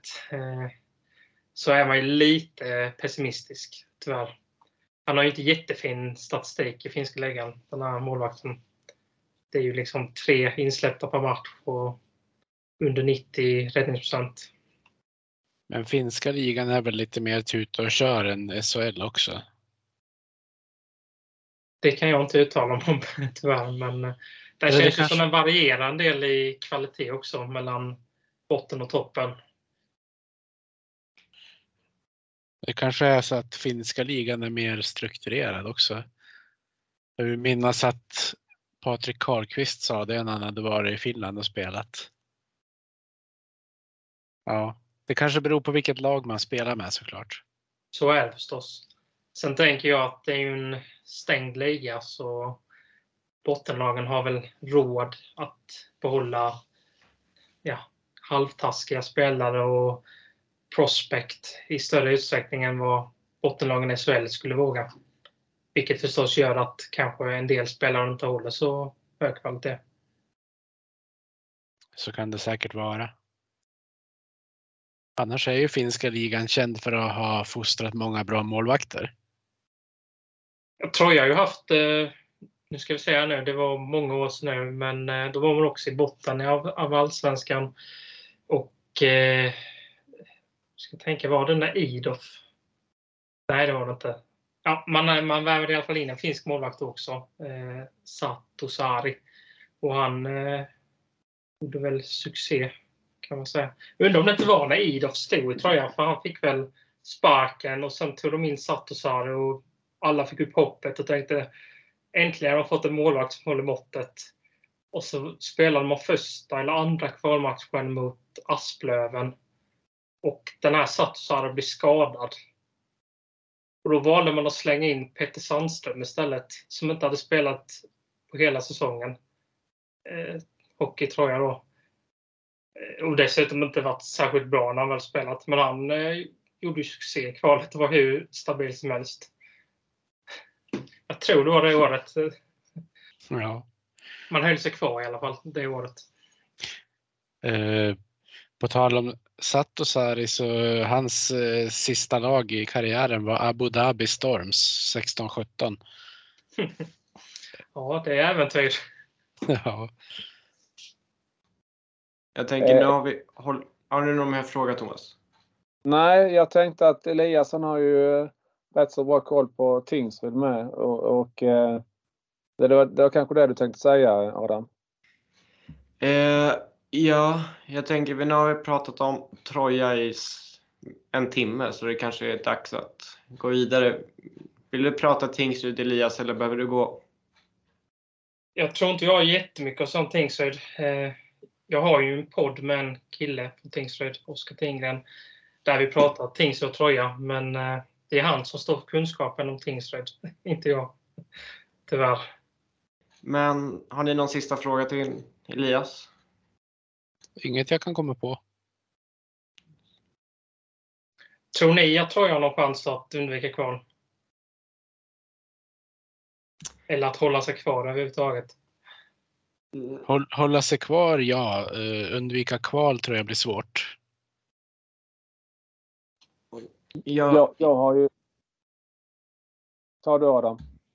jag, jag trodde faktiskt ni skulle ha en chans fram till Corona-uppehållet för jag känner att ni är betydligt mer strukturerande, eh, strukturerade än många andra lag. Men eh, så fort jag såg hur tajt spelschema ni skulle ha så kände jag att eh, jag är alldeles för tunn trupp för att börja plocka massa poäng under en kort period. Eh, så jag tror inte ni undviker kval, men jag tror att eh, vilket lag det än blir i playout så kommer det bli nerv och ni kommer ha alla chanser att vinna fyra matcher i alla fall. Ja, jag, jag tror ju att, eh, eller jag hoppas ju någonstans att antingen att Troja liksom hamnar så långt efter i tidigt skede att det i, eh, i teorin är klart att man hamnar i kval. För jag tänker att med så tajt spelschema att ha chans att undvika kval och lägga massa energi de sista matcherna och ändå hamna i ett kval. Det kan ju vara en ganska stor energiförlust och sen ska spela sju matcher då är det nästan bättre att man de sista matcherna kan eh, koppla bort mentalt och ställa in sig på ett kvalspel i tidigt. Ja, jag eh, trodde ju länge att eh, nu jag reviderade mitt tips att eh, det skulle bli Tingsryd och Almtuna och att Troja skulle bli 12. Men det är klart, tittar man på tabellen och eh, återstående programmet eh, säga du säger både Mora och Västerås nu i två respektive tre matcher. Det, det är ju inte det lättaste. Mora är ju på riktigt eh, uppgång här och eh, så att det ser ju tufft ut. Eh, samtidigt så är det ju ändå så att Almtuna har sex matcher mer spelade så att det, det är ju lite ett halmstrå där men, men man ska ju förbi två, två lag ju, så att det, eller så, så det, det ser ju onekligen tufft ut men i ett eh, kval så, så eh, som det nog ändå blir då, där, där eh, tror jag ändå att Troja kan dra det längsta strået. För jag, jag tycker ändå det finns, eh, som du pratade om här Elias, en, någon form av grundsystem ändå. Eh, lite mer eh, strukturerat och, och så. så. Så att det känns och sen ett antal Ljungby-killar med som har hjärta för klubben. Jag tror också att det, det kan fälla avgörandet. Eh, Det kan vara lite åt bägge håll där. För det kan också vara att de är tre gånger så nervösa som alla andra eftersom de har hjärta för klubben. Så, Ja, det kan det också bli. Det kan det också bli absolut. Du nämnde en sån som Tobias Törnqvist. Han kommer ju liksom ge allt han överhuvudtaget har. Jag kommer ihåg när han var utlånad till Kristianstad några matcher. Alltså det fanns ingen, i princip ingen som kämpade så hårt som Tobias Törnqvist. Trots att han bara var inlånad några matcher då. Så att eh, det, där är det en kille som ger järnet oavsett. Ja, hans spelstil sprider energi, absolut. Och kan väcka ett lag. Eh, han eh, går ju ut på samma sätt oavsett om man har varit på bänken i en månad eller om man har spelat regelbundet. Så det, det tror jag också, precis som dig Thomas. Jag är förvånad att eh, Tingsryd har eh, tagit sig så pass, måste jag säga. För att jag, jag tycker när, när eh, Kristianstad har mött Tingsryd, jag, jag, i och för sig så vann ju Tingsryd senast eh, i eh, Kristianstad ishall med 4-2 men jag tycker inte att eh, Tingsryd gjorde någon bra match men just i den matchen så var ju eh, Tobias Fladeby och eh, Ludvig Elvenäs lite tunga på vågen. Men eh, jag ser här nu att eh, i dagens match så var Fladeby extra player. Har han varit skadad eller någonting eller? Jag tycker han var väldigt bra i den matchen i alla fall. Ja, han är väl deras stora X-faktor den här säsongen, Fladeby. Så vet jag inte riktigt vad det kan bero på. Sen eh, Tingsryds fall så är det väl lite att på anseendet om de eh, tar en slutspelsplats. För om jag inte cyklar så höjde de sin budget inför denna säsongen och skulle satsa lite hårdare. Så det var väl lite fiaskostämpel där när de såg ut att kunna hamna i ett negativt kvalspel istället. Just nu så ligger ju Tingsryd på tionde plats eh, och eh, tre matcher eh, mindre spelare än Almtuna som ligger precis under då och hästen har ju då sex poäng upp men en match mindre spelad så att det men eh, ja, som sagt jag är förvånad att Tingsryd har liksom de, eh, ett tag så åker de ju rutschkana i tabellen men de har repat lite mod och precis som Almtuna har ju också tagit ett antal segrar här på, på slutet så att eh, eh det har ju varit svårt för, för både Troja och Södertälje och eh, eh, så att säga, avancera från, från botten då i och med att bottenkonkurrenterna har tagit så pass mycket poäng. Ja, Södertälje känns väl annars också... Spetsen är det inget fel på, men eh, bredden i Södertälje är jag ju inte jätteimponerad av. Det är väl lite där jag tänker också i ett negativt kval att eh, kan man hålla stånd mot eh, de här spetskedjan så, så ska man nog kunna hota på bredden. Jag försöker komma på någon spets. I Södertälje? Ja. ja, nu finns det några. Nu jämför jag ju med Troja, vet ni, så det, det är ju liksom en halt spelare skulle ju gå in där. jag tycker det har varit lite tvärtom under Hånberg, utan det är snarare att fyra femmor spelar kompakt och trångt och vinner insidan i egen zon och det är därför vi har tagit några poäng nu mot topplagen fast vi har egentligen kanske varit utspelade rent spelmässigt. Ni har ändå en leading line, det finns ju ingen sån i SSK. Nej, till namn så borde det finnas kan man ju tycka, men eh, det är ju sant. Du vet ju det bättre än vad jag vet såklart. Du ser ju dem i mycket större utsträckning. Men sen, sen är det väl lite så att eh, som du säger Elias att eh, Joakim Hilding han har hållit stilen hela säsongen men eh, tycker Oskar Öhman eh, såg man inte mycket av igår i alla fall. Eh, han hade ju ett stim där, där han gjorde mål som jag sa i, åtta matcher i rad. Eh, och så men eh, sen har han väl eh, fallit tillbaka lite grann nu på senaste tiden. Så, så att Degerstedt ja. ja. Jag tänkte säga, jag tycker personligen att Oskar Öhmans verktyg, så att säga, han har inga som sticker ut. Han eh, liksom skapar inte målchanserna. Utan det är, han är ganska beroende av sin omgivning. I ettan hade han ju Mattias Åkesson, vi ska säga till exempel. Visst, eh, Öhman spelade fram till honom, men eh, han var ju beroende av att Åkesson var på humör. Och det är samma sak nu. Han är ganska beroende av Hilding. Och när han var i Modos J20 som vann SM-guld spelade han ju bland annat tillsammans med Stål Lyrenäs som också var duktig på att ja, men, göra målen själv efter att ha fått en passning. Mm. Ja, i ettan så kunde ju Troja parkera i, eh, i offensiv zon och man kunde spela runt och ställa upp på ett helt annat sätt. I allsvenskan blev det ju mer fram och tillbaka, eh, snabba beslut eh, och allt det. Och där, visst, han har kommit in bättre i det, men eh, han saknar väl lite verktyg där. Han har väl inte riktigt speeden, han har inte riktigt fysiken. Han har inte riktigt tekniken heller för den delen. Mm, om vi jämför med brodern Viktor till exempel. Viktor tycker jag ju både han är ju, använder kroppen på ett helt annat sätt och han har ett skott som är lite utmärkande i alla fall. Eh, och eh, med Degerstedt i den kedjan, Degerstedt kan ju åtminstone...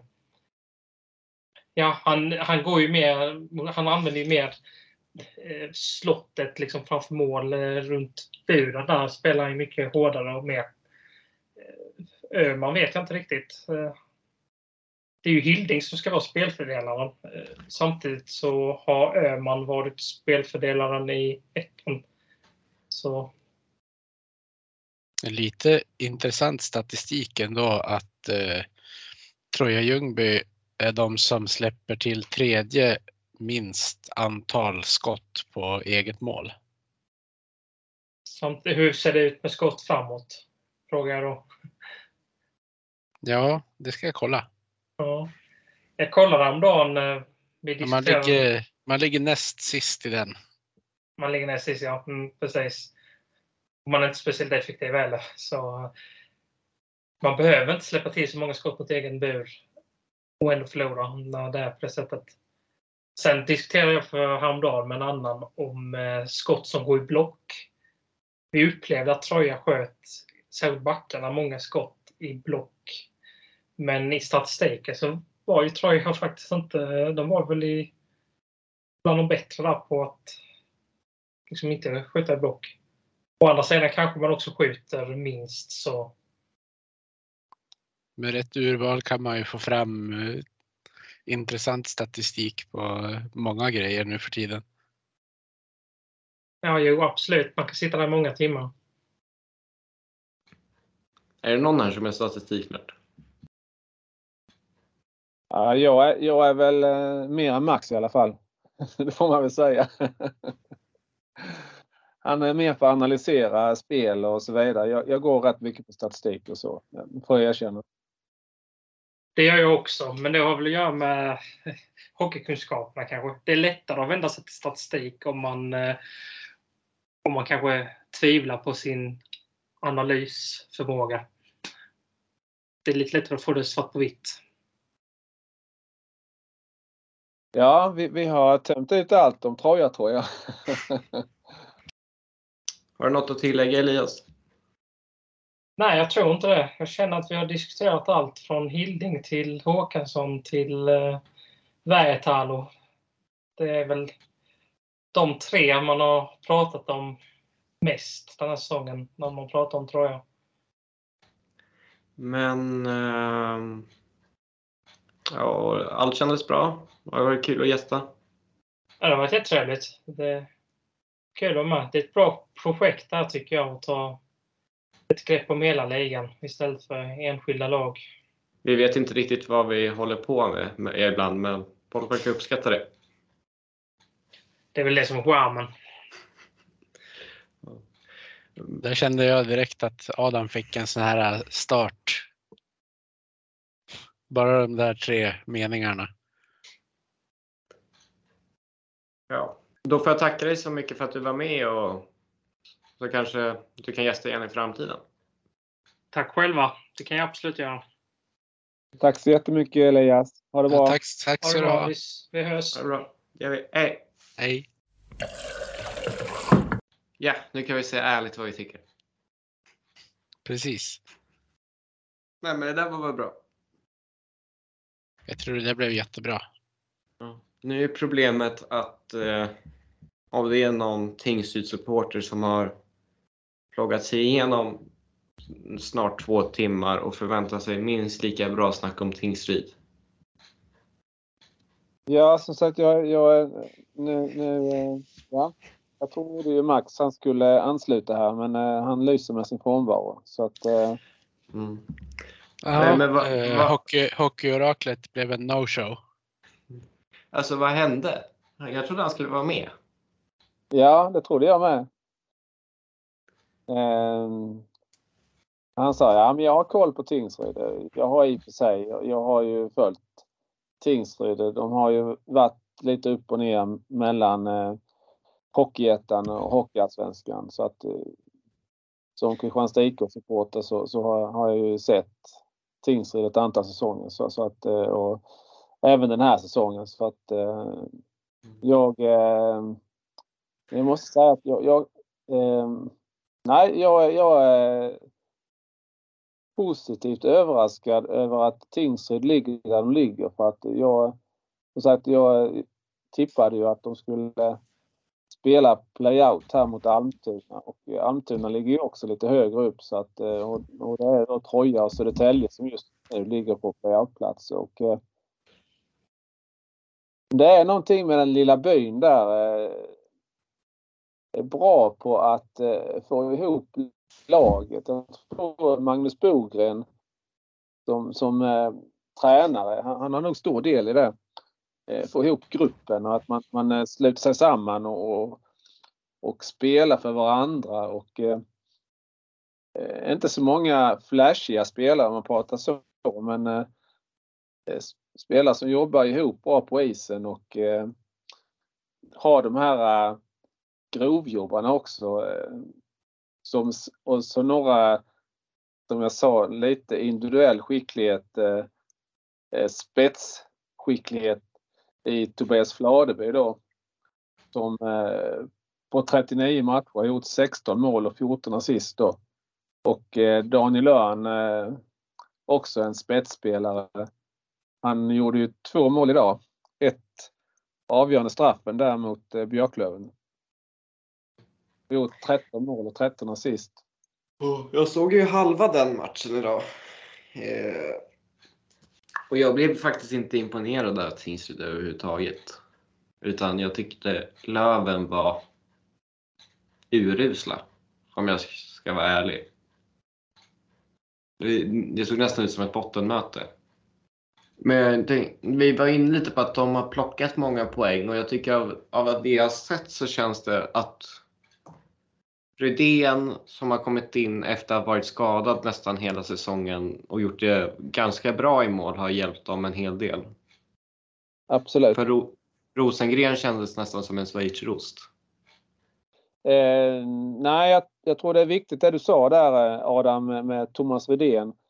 Eh, skadad fyra och en halv månad och eh, har ju visat på hockeyettanivå att han håller väldigt hög klass och eh, nu när han då på chansen då eh, på hockeyallsvensk nivå i, i Tingsryd så har han ju kommit in både med energi och eh, vilja att visa att han håller på även på den här nivån då och eh, tror han kan eh, bli lite tunga på vågen här för Tingsryds del och eh, han har ju fått då ett antal matcher nu sedan han kom in då i Tingsrydstruppen. Och klart spelsugen som bara den också. Ja, Tingsryd är ju, är ju ett av de lag som eh, har varit sämst i special teams. Eh, nu har inte jag jätte, alltså sett dem jättemycket men eh, vad, vad tycker ni? Boxplay har ju varit helt bedrövligt. Men av det jag såg idag såg det faktiskt ganska bra ut och det blev till och med att de gjorde mål. Sen kom Björklöven långt ifrån upp i sin maxkapacitet. Och jag, jag vet inte vad har de för powerplay-procent? De eh, har 17,24 och det är bara Västervik som har varit sämre i powerplay. Men marginellt sämre än Björklöven och Björklövens powerplay har ju blivit sågat flertalet gånger. Tingsryds har inte ens nämnts, men det kanske är för att folk inte förväntar sig lika mycket av dem. Det jag tänker på med Alltså, det jag har sett så tycker jag oftast de spelar helt okej okay i powerplay och förflyttningar. Och har några som styr lite Fladeby och Örn, men det, det känns som att de har svårt att det, med effektiviteten och att skapa riktigt farliga lägen. Det var, mot SSK, så, senast vi mötte dem, så var det att de hade säkert runt 10 powerplay-tillfällen och var liksom i vår zon nästan hela de, nästan alla gånger. Men de gjorde bara ett mål och det, mm, det, det kanske är det kanske är svårt att få till en bra siffra om man inte riktigt har en hög individuell skicklighet i gruppen oavsett hur bra system och tanke det är i grunden. Det är väl Fladeby och Lindelöf som är farligast alternativ för dem i powerplay kan jag tänka. Och Örn brukar, tycker jag är helt okej och det jag har sett. Ja, han snittar väl alltid en minst 10 mål per säsong. Kanske inte alla i powerplay såklart, men. Men det är väl eh, just det vi säger att det, det kanske är mer en homogen grupp eh, där det inte är så många spelare som sticker ut. Eh. Jag tittar ju här exempelvis på Boden hade ju en riktig succéduo förra säsongen då i Chris Kontos och Sebastian Kaiser och eh, där då Christoph Kontos eh, nu har burit, eh, mer eller mindre drivit Kristianstads offensiv och varit den mest produktiva och den som det händer mest runt i, i Kristianstads eh, offensiv så har ju eh, Sebastian Kaiser ser jag här 39 matcher, 8 mål och 4 assist. Han har ju inte alls liksom kommit upp i de poäng som han, som han Pontus hade förra säsongen i Boden. De låg ju, jag tror att eh, Kaiser hade 50 poäng då. Han spelade lite mindre matcher än Kontos och Kontos låg över 60, 62 poäng så att eh, de var ju riktigt fruktade i Boden men medan då Kontos har eh, fortsatt på den här höga nivån även i Hockeyallsvenskan så har Kaiser inte riktigt blommat ut fullt ut. Jag tycker ändå av det jag har sett så är Kaiser en av deras bättre och spetsigare forwards. Det känns som att det ofta händer någonting när han är inne. Ja, och han var, ju, han, han, han var ju på lån i Modo en sväng i fjol också. Och där kändes det ju verkligen som att han skulle göra det bra på den här nivån. Så jag är förvånad att han inte har producerat bättre. Ja, men det är ju det är ändå, vad blir åtta mål, fyra assist. Det är ändå 12 poäng på, vad sa du Thomas, 38 matcher? 39 matcher. 39. Ja, det är ändå nästan en poäng var tredje match. Det, väl, det får väl ses som godkänt om man kliver upp en nivå i seriesystemet. Det, det kan ta lite längre tid för andra och, och jag kände att det hade varit... Hade han varit spelmässigt sämre så, så hade det kanske ansetts som en sämre värvning men så, om man visar bra tendenser så brukar det ju lossna förr eller senare. Ja, det kanske är orättvist att och, eh, jämföra honom med, med Christer Kontos. Men Kontos snittar ju i princip en poäng per match och eh, då som du säger Kaiser, han ligger i underkant på en, på en tredjedels poäng per match. Så, så att, eh, men, eh, men det är väl lite det som, som ändå är att eh, kanske ha spelare som, som tillför spelmässigt men kanske inte produktionsmässigt då. Och det ligger ju lite... Men men tror du Kontos hade gjort en poäng per match i Tingsryd? Ja, det är ju hypotetiskt, men, eh, men det, det är kanske inte troligt. Nej. Det, det, nu har ju nu har ju Mikael Gart lyckats med eh, värvningarna i Kristianstad och, och liksom få till eh, bra omgivning för Kontos och Kontos kan ju då driva mycket själv och eh, har ju rätt så mycket assist också så att, och fått igång målskyttet. Så att eh, det är klart att eh, han har ju verkligen levererat och, och varit eh, ja, den offensivt starkaste spelaren nu i alla fall. Senast han blir ju januari månads bästa spelare då i Hockeyallsvenskan. Så att eh, det, det kanske är orättvist att jämföra Kaiser och Kontos men som sagt eh, förra säsongen producerade de ju ungefär jämbördigt med poäng i Hockeyettan i Bodens stress. Då. Vilka tycker ni är eh, spetsigast förutom eh, Fladeby i Tingsryd, de matcherna som ni har sett? Ja, det är nog Kaiser för mig. Ludvig Elvenäs, eh, han eh, blixtrar ju till då och då. Han har ju mycket hockey i sig. Eh. Men det är ju inte kanske i varje match, men han ligger ju ändå, han har ju, han ligger ju ändå på fem mål och 14 assist. Så han är ju lite mer framspelare då. Fem mål är, låter ju lite lågt. Då för att ha spelat 43 matcher. Så, så att eh, där hade säkert eh, Tingsryd förväntat sig mer i produktionsmässigt av eh, Ludvig Elvenäs. Ja. Man vet ju att han kan komma in i sina riktiga poängskov. Men det kanske dröjer lite för, för länge mellan dem. Ja. Sen eh, Alan McShane eh, fick ju mycket lovord och, och så under försäsongen och eh, det är klart att han har producerat 10 mål och 12 assist på 42 matcher. Han snittar en halv poäng per match och det, det får man väl säga ändå är relativt bra. Så, så att, men eh, det, de kanske hade hoppats på lite mer där också för han, han visade väldigt fina takter om jag minns rätt under försäsongen. Då. Det, det är en jag, som jag tycker är väldigt underskattad vi håller på att glömma. Kan ni gissa vilken det är? På forwardsidan. Ja, han är också underskattad, men jag tänkte på Joakim Nermark. Ja, det var min nästa spelare jag tänkte nämna faktiskt.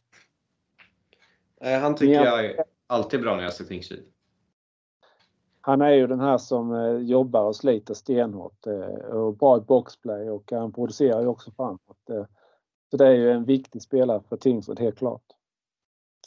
Ja, det, när jag tänker Tingsryd så det känns som att flera av de här spelarna som de har med i sitt lag har ju varit med sedan typ 2016 eller liknande. De har många sådana här kulturbärare i laget. Men jag, jag, tänker att Elias pratar ju nästan lite om att det var lite fiasko att de håller på att hamna i negativt kval efter deras fina fjolårssäsong. Och, efter, och att de hade ökat spelarbudget in, inför i år och så. Men eh, jag tycker ändå de har en hel del spelare som ofta är bra ut dag in och dag in. Relativt bra i alla fall.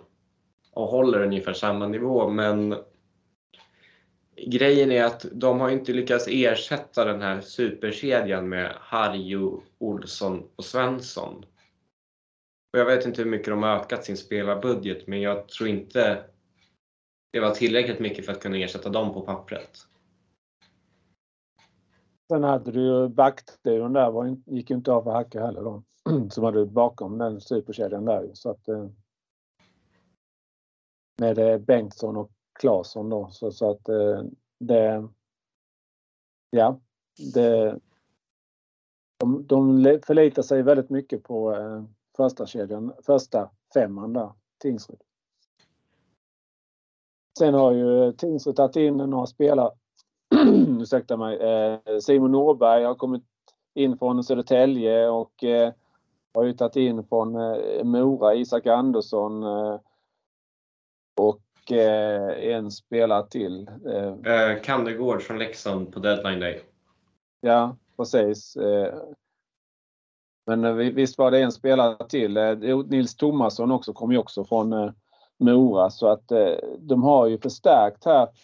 Inte precis innan transferstoppet men under säsongens gång och tatt, fångat upp lite spelare som som har misslyckats inom citat då kanske i, i andra klubbar. Simon Norberg var ju en favorit för, för min del. Jag vet även för Max del när han spelade Kristianstad. Och jag var ju besviken när han gick till Tingsryd. Men det var ju klart, det var ju då när Tingsryd gick upp i Hockeyallsvenskan och Kristianstad var kvar. Då. Och då eh, hade ju Tingsryd sett hur pass bra Simon Norberg var så att eh, de lockade ju över honom då. Eh, och så gjorde väl Norberg så pass bra då i, i Tingsryd så att eh, Södertälje tog honom då ju. Men han eh, har väl inte, kom väl inte riktigt upp i den nivån i Södertälje utan vände tillbaka då till eh, Tingsryd. Norberg i SSK till nästan klass med Sam Bitten. Det, det var ingen höjdare. Ja, det är märkligt för att jag tyckte att han var... Men han kanske, ja, kanske är bra på hockeyettanivå. Han kanske inte riktigt kommer till sin rätt då på hockeyallsvensk nivå men SSK måste ju ha sett någonting i, hos honom ändå eftersom man eh, värvade honom från Tingsryd då ju. Ja, alltså det är, det han, han är en publikfavorit i Tingsryd för sitt hårda arbete och defensiva jobb men eh, ja. det, det, det, det, passar inte alla att flytta till en SSK är ingen toppklubb rent sportsligt men en toppklubb runt omkring och med stort intresse. Men en spelare som har växlat upp nu på slutet det är ju Jakob Helgemo. Han har ju gjort nästan en poäng per match de senaste eh, tio matcherna. Inte så mycket mål men framspelningar.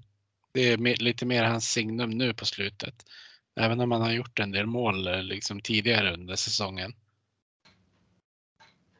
Så det, det, är ju en sån spelare som, som bär laget lite mer nu på slutet.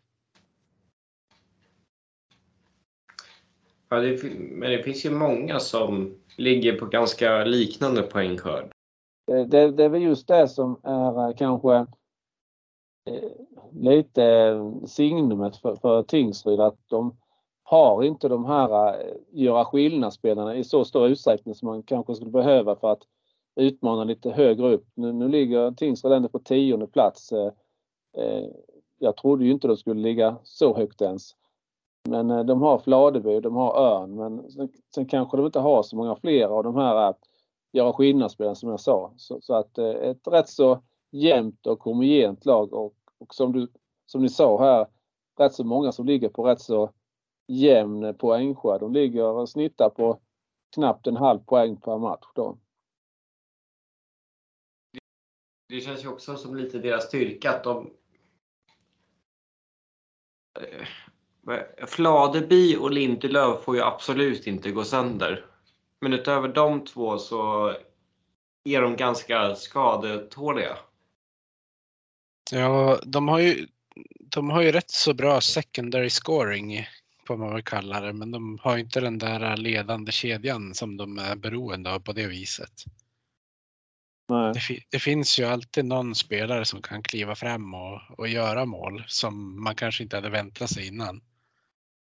Tallberg är ju också en sån spelare som det inte pratas så mycket om, men som har en tendens att göra en del viktiga mål. Ja, på något sätt så Tingsryd, det, de är, det är lite så att de, de, det ser kanske illa ut och eh, de åkte kana som jag sa här ett tag i, i tabellen men, men eh, på något underligt sätt så, så reder de ut det hela. Och jag tror eh, lite det här att det, det är Bogren, jag tror han är bra som, som headcoach där, håller ihop gruppen och, och att de, man har en ändå en, slags trygghet i gruppen och som sådant. Eh, det blir kanske lite annat när, när man spelar för en, en förening på en liten ort, nästan en liten by då, där, liksom där allt kretsar i, i princip kring eh, hockeylaget då. Inte bara bra coach, han är ju en väldigt bra sportchef också.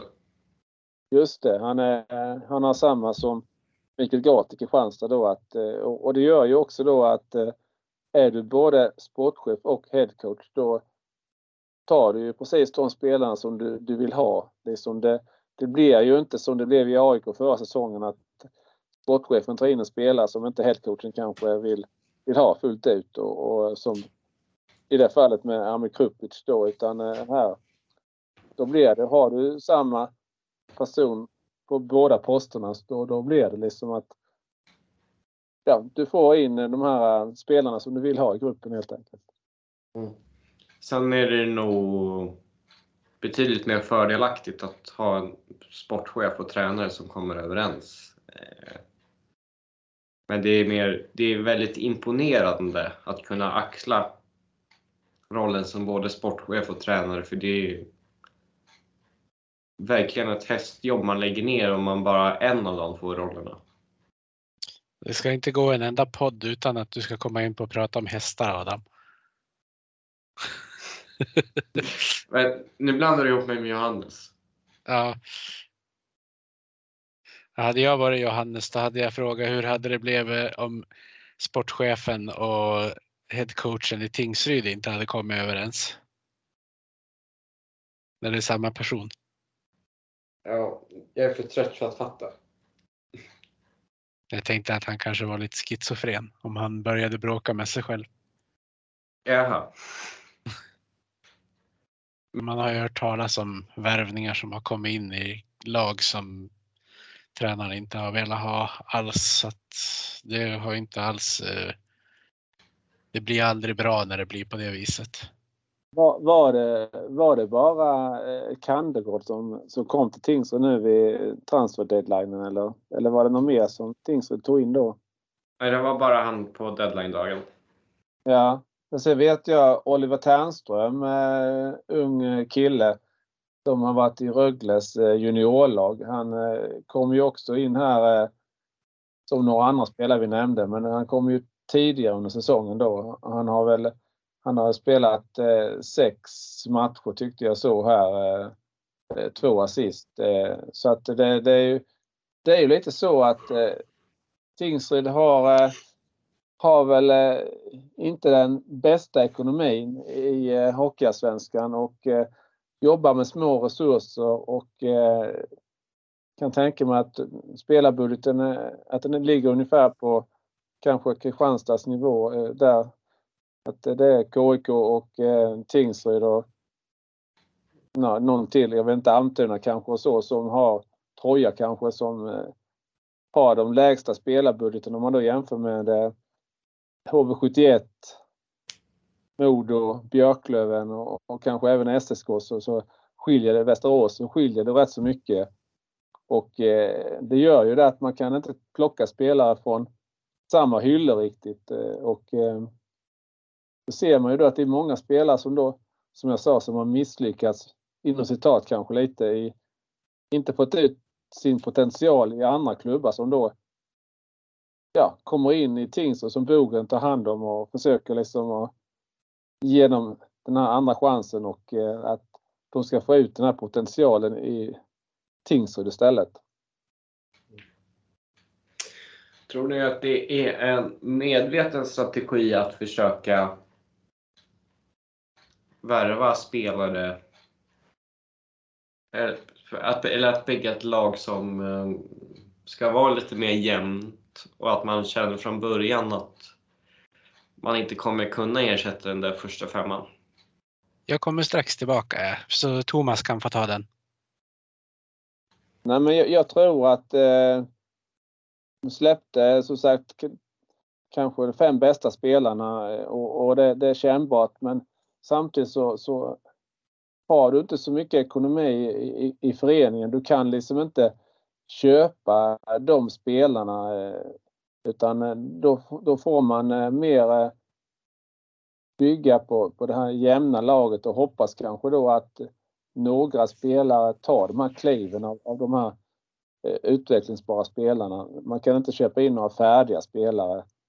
Och eh, tror mycket det här att eh, spela som eh, ett annat exempel är Jakob Bondesson han som kom från Rögle BK och, och spelat eh, tror uppåt en 40 SHL-matcher där men har lånats ut till Kristianstad i princip två hela hockeyallsvenska säsonger. Eh, men inte riktigt blommat ut fullt i Kristianstad och eh, nu har då Bogren som då har ett förflutet i Rögle BK också tagit eh, Jakob Bondesson under sina vingar och eh, försöker liksom se om Bondesson kan få ut all den här potentialen i, type-dressen istället då. Så det är nog lite så man jobbar att eh, inga färdiga spelare utan försöker eh, utveckla spelare istället. Eh, Thomas, om, om Tingsryd hade haft en eh, första femma likt fjolåret och Rydén inte hade varit skadad från stora delar av säsongen och sen har man de här ganska bra spelarna i, som fyller ut resten av laget. Tror du att de hade varit uppe och nosat med er och Mora och AIK då? Ja, jag kan säga så mycket så att jag, jag hade definitivt inte tippa Tingsryd att spela playout då i alla fall. Det, med råge. Ja, men det tror jag absolut för att eh, den eh, första femman som Tingsryd hade förra säsongen den var ju ruggigt bra och eh, inte minst i powerplay så producerade man väldigt mycket mål eh, och eh, det har man ju inte riktigt den här säsongen så att eh, det har ju blivit ett rejält tapp. Det är ju bara att se. Och eh, med eh, den spetsen plus eh, de här som säger lojala grovjobbarna som Nermark, Helgemo så, så absolut att Tingsryd hade kunnat vara och nosa på en kanske topp 6-plats där. Mm. Så pass mycket gör det ju att ha de här spelarna som kan göra det här lilla extra. Det är dock lite ironiskt att vi sitter och hyllar två spelare som just nu krigar för sina liv i ett krislag. Vilka ja. spelare pratade ni om då? Nej, vi pratade om hur det hade sett ut om de hade fått haft en liknande första femma att addera på det här laget som i fjol. Och där ingår ju Harry och Olsson. Ja, just det. Men eh, Elias var inne på att eh, Tingsryd är borta från den här bottenstriden. Men känns det inte som att ett lag som haft en överlag trög säsong kan hamna i en förlustsvacka lite när som helst? Jo, men jag har ändå svårt att se Tingsryd falla eh, tre placeringar som, som det känns just nu. De har ju Ja, de har sex poäng till godo på Vita Hästen på tolfte platsen. Eh, det är ju ingen jätte ja, jättemarginal att spela på, men det känns ju ändå som att de har ett, eh, bättre helhet. Ja, det... Förmodligen ett bättre målvaktsspel också för den delen. Ja. Och det är nio poäng just nu som det skiljer ner till kvalplats va? Ja, de är ju inte safe på något sätt. Mm. Och det kan, det kan bli sju om om eh, det inte faller Västerås väg i den här arbetstillståndsgate. Och sen, hur ser deras spelschema ut? Jag vet att man ska möta Troja. Vi ska möta dem på hemmaplan en gång jag, jag har inte riktigt eh, koll på det men eh, eh, jag funderade lite på det här att eh, Tingsryd var ju absolut inte favoriter och eh, vinna i Kristianstad ishall eh, här nu här förleden och eh, vann med, med 4-2. Eh, Tingsryd var ju, kan jag ha svårt att tänka mig att de var favoriter mot Björklöven idag, även om Björklöven inte är i sin bästa form. Så, så, eh, så det är ju egentligen kanske fem poäng där som man inte hade förväntat sig att Tingsryd skulle ta. Men eh, det, det, är ett lag som eh, gnetar och som tar de här poängen och, och det, det, gör ju att de ligger på relativt fast mark ändå för att de kan, jag, jag tror, kan inte helt eh, räkna bort dem från att de, de kan eh, dippa men, men det känns ändå på något sätt som att Tingsryd de, de kommer klara sig Även om jag som sagt, där, där får jag stå ju med, med lång näsa som tippade Tingsryd i playout också. Så att, eh, jag, jag tänker ju att... Spelarna som, att... som har kommit in nu. Eh, Mora-duon eh, Andersson och Tomasson och Norberg från Södertälje att de eh, de vill visa att eh, vi kan bättre än vad vi presterade i, i Mora respektive Södertälje. Jag tänker att om det krävs att om det, skulle, om det krävs för Troja att börja få en segerstreak så krävs det för Tingsryd att börja få en förluststreak. För att de skulle kunna hamna i negativt kval. Eh, men eh, det känns ju betydligt mer troligt än att Troja skulle börja vinna. Och de, de har ganska tufft spelschema. Det är tydligen back-to-back möte mot Björklöven, så de möter Björklöven borta på onsdag. Sen är det Modo på bortaplan. Sen är det Västerås hemma. Sen är det Karlskoga borta. Kristianstad hemma. Troja borta. Och eh, SSK borta. AIK borta. Och avsluta med Karlskoga hemma. Det är ju... Det är ju... Tufft. Egentligen, ja, det är bara... Det, det är sex stycken topp 6-lag. Sen är det AIK som har en jävligt bra form och sen är det två direkta bottenkonkurrenter som kommer vara väldigt desperata för att slå dem. Men det, det, det konstiga med det, med det hockeyallsvenska resultaten just nu det är, det är ju precis som att eh, topplagen de eh, presterar inte. Nu, nu kvicknade Kristianstad till lite här nu senast och eh, vann eh, igår mot Troja med 4-0. Men annars har Kristianstad varit inne i en rätt rejäl dipp och eh, Björklöven har, har ju verkligen varit berg och dalbana och eh, Modo dippade i alla fall idag Peter så att eh, det, det känns ju som att eh, det är väl bara HV71 och Karlskoga egentligen som eh, är lite stabila där uppe.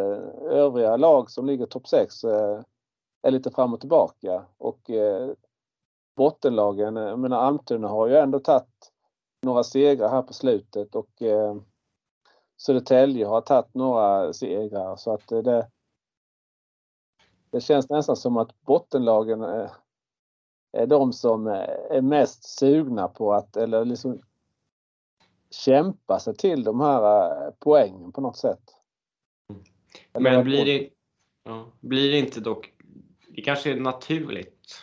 Det kanske inte är så konstigt när det är så lång transportsträcka och, så, och det finns ju inte så mycket att spela för heller. Jag tror inte att tanken av seeding eller hemmaplansfördel får spelarna att tänka nu jävlar ska vi 110 procent. Nej, det, det, någonstans så har man kanske det i, i, i bakhuvudet att eh, det, ja, vi, eh, vi är klara för slutspel eh, och, och, så vidare. Men däremot lagen i botten de kämpar eh, med näbbar och klor för att inte komma på plats 13 eller 14. Har vi något mer att tillägga kring Tingsryd? Nej, det får väl bli det att jag kommer väl på samma sätt som jag, jag eh, alltid tippar fel vad gäller Västervik så eh, ser det ut som att jag kommer att tippa fel vad gäller Tingsryd också. Den här säsongen. Eh, sen ska man säga också att Tingsryd, att, som jag har sagt, det är en liten by. Det är mycket hockey. Det är många, många eldsjälar. Mer eller mindre alla tror jag i lilla Tingsryd eh, har ett hockeyhjärta och eh, de strider här nu för att få till en renovering av eh, ishallen. Och eh, ja, jag vet inte exakt hur det hur är statusen är där just nu men eh, det är väl lite problem på vägen i alla fall eh, med eh, finansieringen och hur pass stor utsträckning som ishallen ska moderniseras då så att eh, men det är bara att hoppas att eh, på något sätt som, eh, som uppväxt smålänning så känns det som att det ska vara en hockeyallsvensk klubb i Tingsryd. Ja, klassiska Dackehallen är ju annars väldigt känd hockeymark. Absolut. Jag kommer ihåg första gången när jag eh, som skrivande reporter skulle åka och eh, jobbade på Tranås Tidning då och skulle skriva om eh, TAIF-mötet mellan Tranås AIF och Tingsryds AIF. Och eh, jag tänkte, ja men det är bara att köra in i Tingsryd så kan jag fråga någon. Men det var inte en kort fråga. Till slut så eh, hittade jag en, en äldre man som var ute och gick med hunden. Och sa, var ligger ishallen? Ja, du, det är bara att följa alla andra. Så tittade jag upp. Då var det en lämmeltåg eh, uppe backen till, eller gatan fram där då till eh, ishallen i, i Tingsryd. Det var en ja, det var, det var en härlig syn att se. Liksom. Det, det är verkligen man ur huset för att följa och stötta Tingsryds AIF. Så det är ett fint minne jag har på mitt första besök i Tingsryd. Ja, och det låter Jag som... nästan eh, lite det, men det, det är liksom på något sätt eh, de här små föreningarna i, i de mindre orterna. Eh, där hockeyn, ja idrotten, men i det här fallet hockeyn då betyder så ofantligt mycket. Ja, Det där kanske är bra ord att avsluta det här ämnet med. Jag kommer snart, en minut bara. Peter. Mm. Vi kör lite break. Jag går, jag går på toa bara då, så ni får vänta. Vi kör ett break. Kan vi inte göra det? Han klipper ändå. Ja, då, det går bra det. Så, har ni hunnit snacka skit om mig? Nej, det är bara jag som är kvar. Försvann han? Ja, Thomas gick iväg på toaletten. Jaha, okej. Vad var det du gjorde? Eh, hunden ville komma in. Han visste väl inte vart jag var någonstans. Fick Två bilder från frun när hunden stod utanför och såg ledsen ut så jag var tvungen att gå ut och hälsa på honom. Ja, det, en av våra hundar brukar ibland eh, verkligen känna sig tvungen att komma in när man sitter på toa. Ja, Så då brukar man få sällskap. ja, jag lärde, lärde Argos att öppna dörren när den står på glänt. Så han har ju gått och öppnat några gånger när man har varit inne någonstans. Inte bara det här att putta in dörren utan att ta nosen och öppna dörren från andra hållet också. Smart Pratar om din hund? Mm. Ja, det, det, jag, jag fick ju höra av Adam att det var hundskäl förra. Det var, det var min hund som skällde förra podden. Men jag tror Ja. alla vi tre hundar va? Vad sa du? Alla vi tre har hundar va? Jaha! Ja, Men du, du har mer än en Peter? ja, jag har Du två brukar- hundar. Är jag. Va? Jag har två hundar. Du har två? Ja. Mm. ja jag har, jag har, vi har bara en. Jag minns eh, för ett par år sedan så hade jag och Johannes en podd inför Hockeyallsvenska finalen där vi hade Lars Lindberg som gäst. Och då eh, började Argos att skälla när vi pratade om Per Kente tror jag det var. Så de har ett litet agg med varandra. Men vad har ni för raser? Västgötaspets. Vad har det? Vad har det? Eh, ja, en border collie och en eh, Parson Russell. Ja, så du har med två hundar? Okej. Ja, där, där ligger man i lä. Och du Peter? Ja, en eh, retrieverblandning, golden och flatcoat. Eh, och så en vorste. Ja, Både omplaceringshundar faktiskt. okej. Ja, ja. ja det, det finns, tyvärr finns det gott om sådana. Ja, eh, den, den här forsten som vi har, den bodde hemma hos en hemtjänstbrukare som jag gick hem till. Så när han blev för dement för att bo hemma så frågade de om jag kunde ta hand om henne. Så det var så det gick till. Mm, mm. Ja. Ska vi skita i hockeypodd och starta upp en hundpodd istället? Jajamän. ja, vi gör det. Inte hästpodd bara. Du klipper det här Adam. Det blev tillräckligt långt ändå. Vi får se. Ja, Det är det fina med Adam, han överraskar alltid. ja precis. Ja. Mm. Nu, kommer jag Ja, behå- nu kommer jag behålla det här bara för att du sa så Peter. eh, Men okej. Eh, jag, jag, skulle, jag skulle bara vilja eh, nämna eh, en person till när det gäller Tingsryds AIF. Larry Pilot, eh, assisterande coachen. Eh, ja, vi pratar om det här med eh, kontinuitet, sammanhållning och, och så vidare. Jag vet inte hur många säsonger han har varit eh, i Tingsryd. Först som spelare och nu som assisterande coach. Och eh, det är ju också det här eh, att eh, på något sätt eh, kontinuiteten att eh, det, jag tror det är värdefullt också att inte byta ut ledare hela tiden.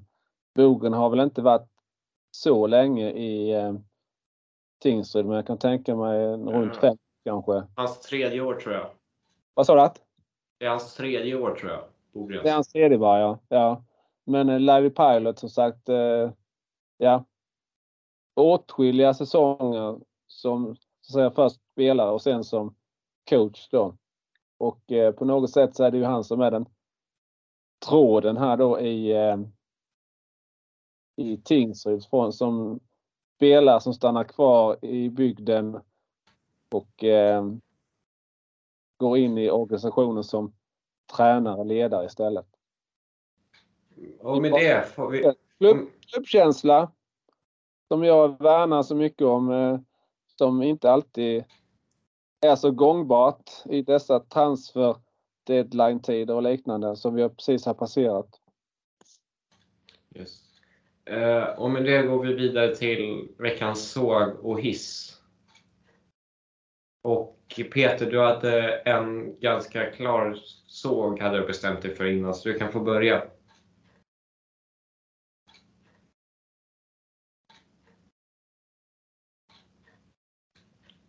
Drog Peter nu? Nej, jag hade mikrofonen avstängd märkte jag. Eh, nej, men jag, jag tänker på en sak som hände mellan AIK och Modo idag eh, när de spelade på Hovet. Och det är eh, Fredrik Weigel som eh, efter eh, en duell nere i sarghörnet där jag inte till 100 procent ser vad som händer mer än att eh, Emil Wahlberg och han krokar ihop på något sätt och Wahlberg hamnar ovanför Weigel. Sen eh, åker Weigels hjälm av och då tar han, eh, han tar tag i Wahlberg, eh, skickar ner honom i isen samtidigt som han måttar ett slag i nacken. Domaren står en meter därifrån och dömer fem minuter för fighting.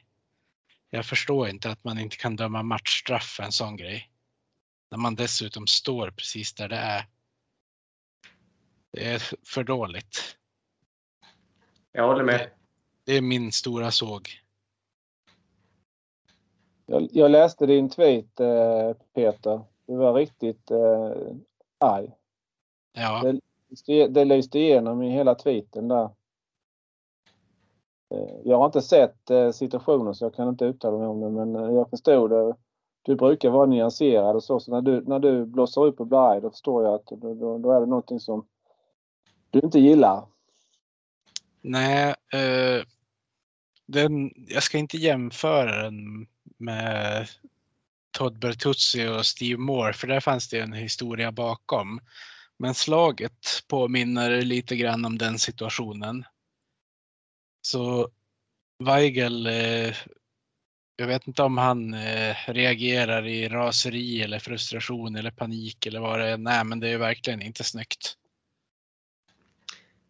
Jag, jag som har sett honom en hel del vet att han har ett högt temperament.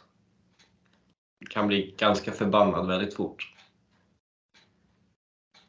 Ja, nu vart han väl förbannad eh, efter att hans hjälm åkte av och jag misstänker att han fick hjälp av med den, men det syns inte på bilderna. Men det är ändå inte någonting som rättfärdigar en sån där direkt attack på någon. Nej, det är... Jag har svårt att se att det ska, ska vara en del av spelet. Nej, och bara för att de har infört en ny regel som heter fighting så får man väl för fan ha lite spelkänsla som domare också. Men fighting, det är ju liksom... Det, det är när två står och bucklar på varandra och båda är med på det. Att liksom slå någon i nacken är bara fegt och fult. Ja, det hör, hör inte hemma inom idrott överhuvudtaget. Där, och det, där kan man också diskutera om fighting överhuvudtaget här hemma, men det kanske är en Ja. annan gång. Det blir ett annat avsnitt. Nej, jag håller helt med i ert resonemang. Eh, Även om jag inte har sett eh, incidenten så, så, så håller jag helt med i ert resonemang. Ja, eh, jag måste väl ändå ge en hiss till eh, AIKs form nu på slutet. De är otroligt på uppgång som det känns just nu. Hej då Peter. Du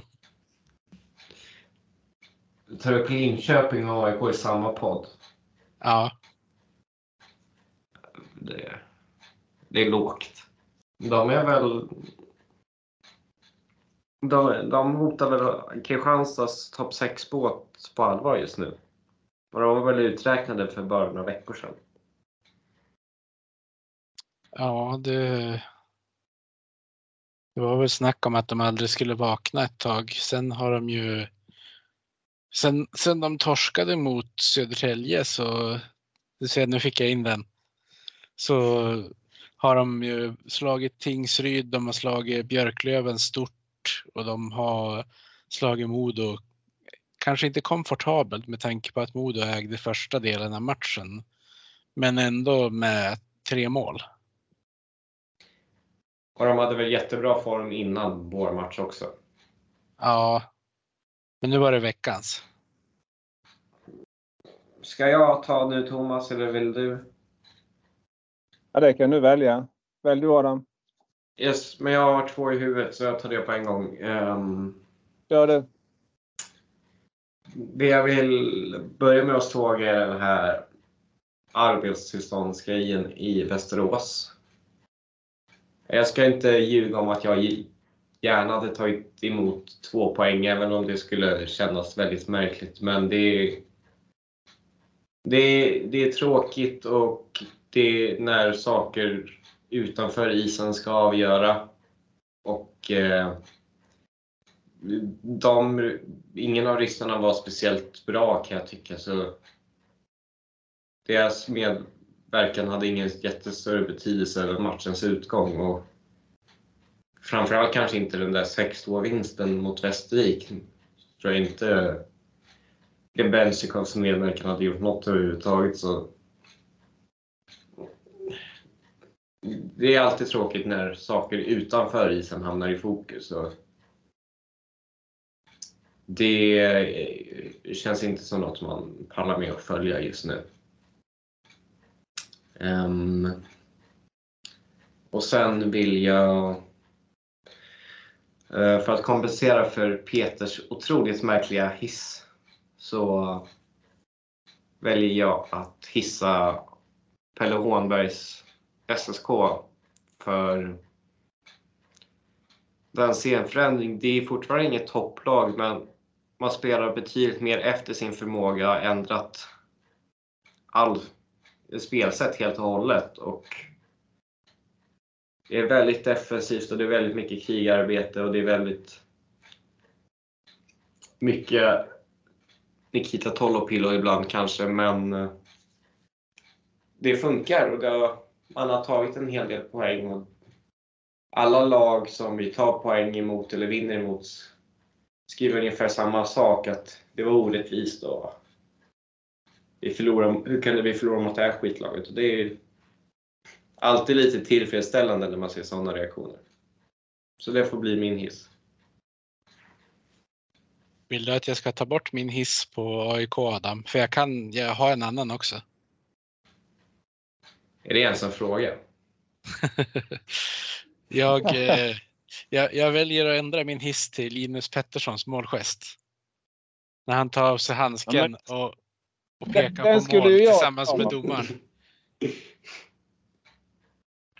Men Peter, den, den skulle jag ta ju. Ja. Var det min tur eller? ja, nu är det din tur.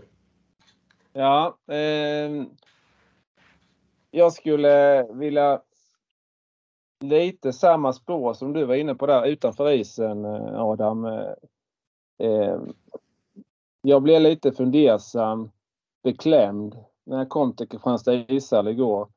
Eh, första jag såg nästan när jag skulle gå in i ishallen, det var en massa poliser och ordningsvakter. Eh, tio poliser, åtta ordningsvakter eh, plus de massa publikvärdar på plats i en eh, hockeyallsvensk match mellan eh, Kristianstad och Troja Ljungby med 1197 åskådare. Ehm, jag pratade lite med ordningsvakten för jag hade ju en, en, en av ordningsvakterna. Vi hade egentligen velat gå över och prata med en eh, från Trojas styrelse. Men det fanns ju ingen möjlighet till det i och med att eh, det var avspärrat eh, på alla sätt och vis.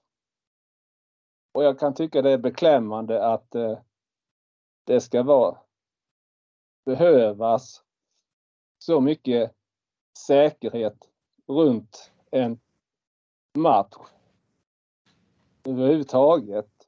Som jag sa, knappt 1200 åskådare. 10 poliser eh, som staten betalar. Indirekt är det alltså vi skattebetalare som betalar det kalaset. Åtta ordningsvakter som Kristianstad IK får betala. Eh, ja, jag tycker det säger det mesta. Nu är det klart att det klassades som en högriskmatch då i och med det här med trumman som hade hänt bara för några dagar sedan då i Ljungby Arena.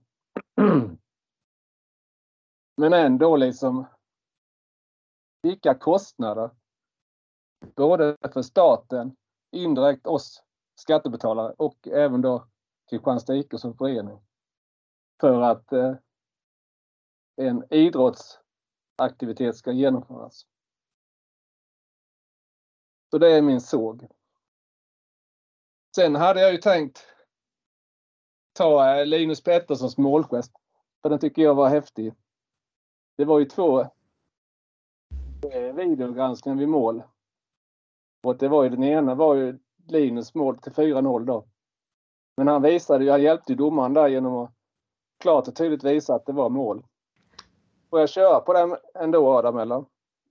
Ja, det får du. Vi kan ju säga att det är din hiss och så får Peter gå tillbaka till klubben vi inte behöver nämna vid namn. Nej precis. Ja. Men du skulle, jag läste ju att du hyllade en spelare i morse som gjorde comeback. Ja, det kan jag, kan jag också ta som hiss, absolut. Eh, Fredrik Dischoffs eh, återkomst till eh, Kristianstad IK eh, efter att ha representerat Danmark i OS-hockeyn. Och eh, efter att eh, Kristianstad IK varit nere i en dipp, förlorat rätt så många matcher.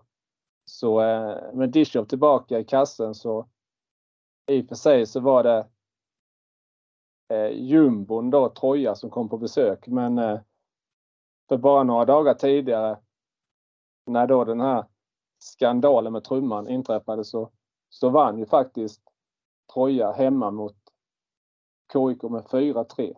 Men det går 4-0 och eh, Dishov räddade 41 skott. Eh, Ragnevall i Trojas mål 31 skott på sig och räddade 27. Så det är klart att eh, Dischows återkomst var en del, relativt stor del i Kristianstads seger där. Så eh, ja, jag kan väl ge Dischow hissen då så, så kan du få kanske behålla hissen på Linus målgest där Peter. Ja, LP det är en skön lirare. LP, ja. ja jag ska säga det att jag, jag sa faktiskt till, till Max igår att idag gör Linus Pettersson mål. Eh, Trojas försvarsspel var väl inte riktigt lika bra som Moras nu. Mora är också på uppgång och eh, han hade lite svårt att komma till. Jag tror till och med att han var petad i en av de matcherna, Linus. Men i den andra matchen svårt att komma till. Eh, men mot de här lagen där man får lite mer tid, lite mer utrymme. Eh, då trivs Linus Pettersson. Kommer mer in, in i slottet närmare mål och eh, han är ju en riktig konstnär, trollkonstnär med pucken. Oh ja. Ja. Och han, han är väl den som tränade mest när han spelade med Modo också. Var alltid där en timme före alla andra och stack därifrån sist. Okej. Okay. Han älskar verkligen ishockey. Ja, det ser man ju på när man är på isen. Alltså, han har så mycket hockey i sig. Eh, sen har Ibland kommer han lite ifrån händelserna centrum, kommer för mycket ute i sarghörnen och så men när han får lite tid, lite utrymme och eh, är på det här spelmötet som han var igår då. Ja, då är det, då är det behållning att se honom, verkligen. Ja, det är väl storleken han har emot sig egentligen. Ja, ja. Eh, det är ju ett antal spelare som Kristianstad förmodligen inte får ha kvar kommande säsong. Eh, Linus Pettersson det är väl en sån gränsspelare eh, som kanske blir kvar på hockeyallsvensk nivå och vi hoppas att han i så fall stannar i Kristianstad. För där finns mycket, mycket utvecklingspotential i honom. Jag har en såg till. Ja. Det, det är vårt jävla hockeyorakel. Ja, det måste jag säga. Ja. Jag tyckte att när vår trogna underbara lyssnare Åge gav honom smeknamnet Löken i morse att han var taskig, men nu, nu känner jag att han förtjänar det nästan. Ja, det blev lite bitter eftersmak. Det blev det. När han inte dy dyker upp överhuvudtaget. Nej, jag men tycker det... det här avsnittet ska heta Hockeyoraklet gjorde en no-show. Eller någonting i den stilen. Hockeyoraklet avgår från HA-podden. Då får han lite puls när han ser titeln. Ja. Och så byter du bilden igen. Nej, vi, vi får ge honom en chans till. Han får återupprätta sitt, sin heder och sitt rykte. Fast jag är ju jävig klart i, i den, det sammanhanget. Så att... ni, ni, kan rösta ner mig om ni vill. Vad tycker jag, Peter? jag, jag, lägger ner min röst så får ni, så får ni bestämma. Och jag är jävig, det betyder ju att eh, Alan får bestämma då. ja, precis. Det blev plötsligt en diktatur. Ja, det värsta är att Max inte är med i samtalet om hans framtid överhuvudtaget. Nej. ja. Han får höra i introt till nästa avsnitt att han har avgått. Ja. Men, eh, hade, jag, hade jag kunnat sjunga eller så, så hade jag gjort det nu Adam, men det kan jag inte. Men eh, eh jag tycker eh, det är söndag idag. Två dagar framåt så eh, firar eh, Södertälje Sportklubb 120 år. Eh, och eh, det är värt att hyllas. Verkligen. Det, det är faktiskt Sveriges, inom hockeyn då, äldsta elitförening i föreningsform vill säga. AIK och Djurgården är ju äldre sett till när klubbarna grundades men de har ju gått över till aktiebolag båda två sedan en tid tillbaka. Ja, det är respekt verkligen. Jag vet du har ju skrivit rätt så mycket om det Adam att eh, låt inte den här säsongen när föreningen firar och fyller 120 år att det ska innebära degradering. Ja, och det som skulle svida med degradering är att vi skulle inte sannolikheten att vi återupprepar 15-16 och går upp direkt ser jag som väldigt låg. För förr eller senare blir det att man fastnar. Och det skulle innebära döden för föreningen, för intresset och för allt väldigt bra jobb som gjorts på junior och damsidan. Så det skulle liksom... En degradering skulle verkligen...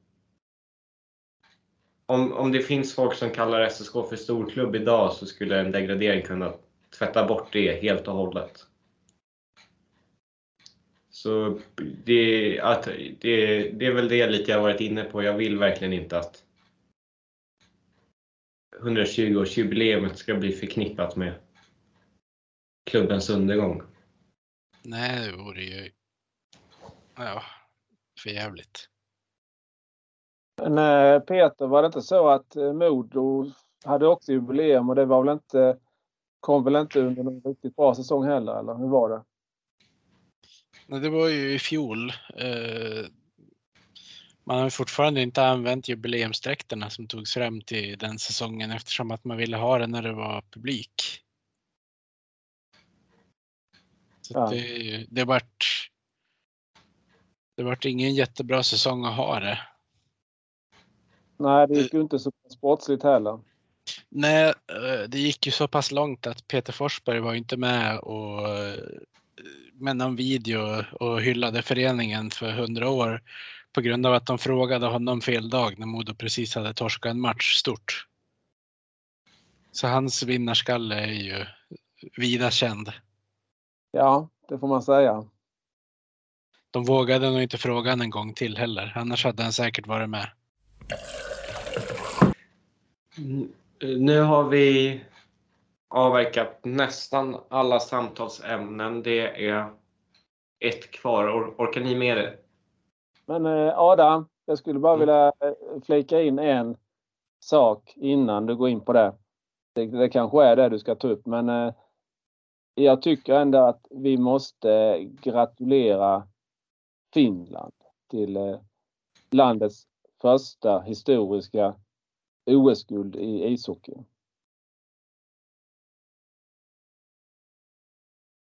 Varför tar vet. alla upp lag man inte tycker om? Jag vet att detta är en HA-podd, men eh, jag tycker det, det på något sätt vi måste omnämna det i alla fall. Ja, de får grattis från dig. Ja. Nu har jag i alla fall. Ja. Ja, jag, jag är jävig i den här frågan så jag kan inte säga någonting. Här startar man upp ett projekt och en podd och man får pikar och man får höra om AIK och man får höra om Finlands OS-guld och man får höra om Linköping. Eh, Men du Adam, eh, för att få lite extra goodwill eh, måste jag passa på att fråga en sak när vi ändå är inne på Södertälje. Johannes Jemsen, borde inte han vara en spelare för framtiden? Um, Ja, nej, jag vet inte. Alltså. Grejen med honom, jag tycker tyvärr det är en talang SSK har kastat bort.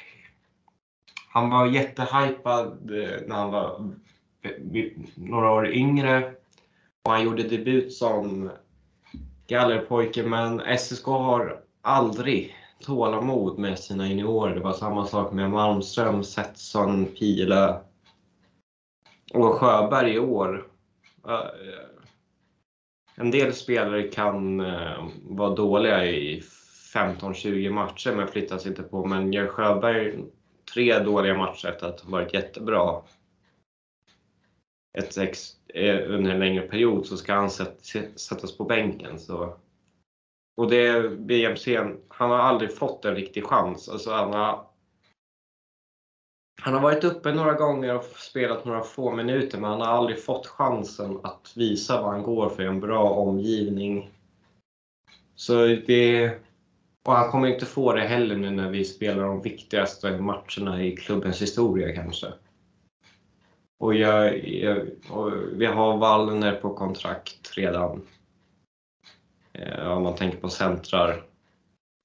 Så jag tror inte att man kommer chansa på honom. Eh, och det är, det är väldigt tråkigt för det är ingen, han har en hel del hockey i sig. Det är, ingen, det är ingen slump att han är en av de som gör flest poäng i högsta J20-divisionen. Det låter som ungefär samma öde som William Eriksson hade i Modo, eh, som nu spelar i Björklöven.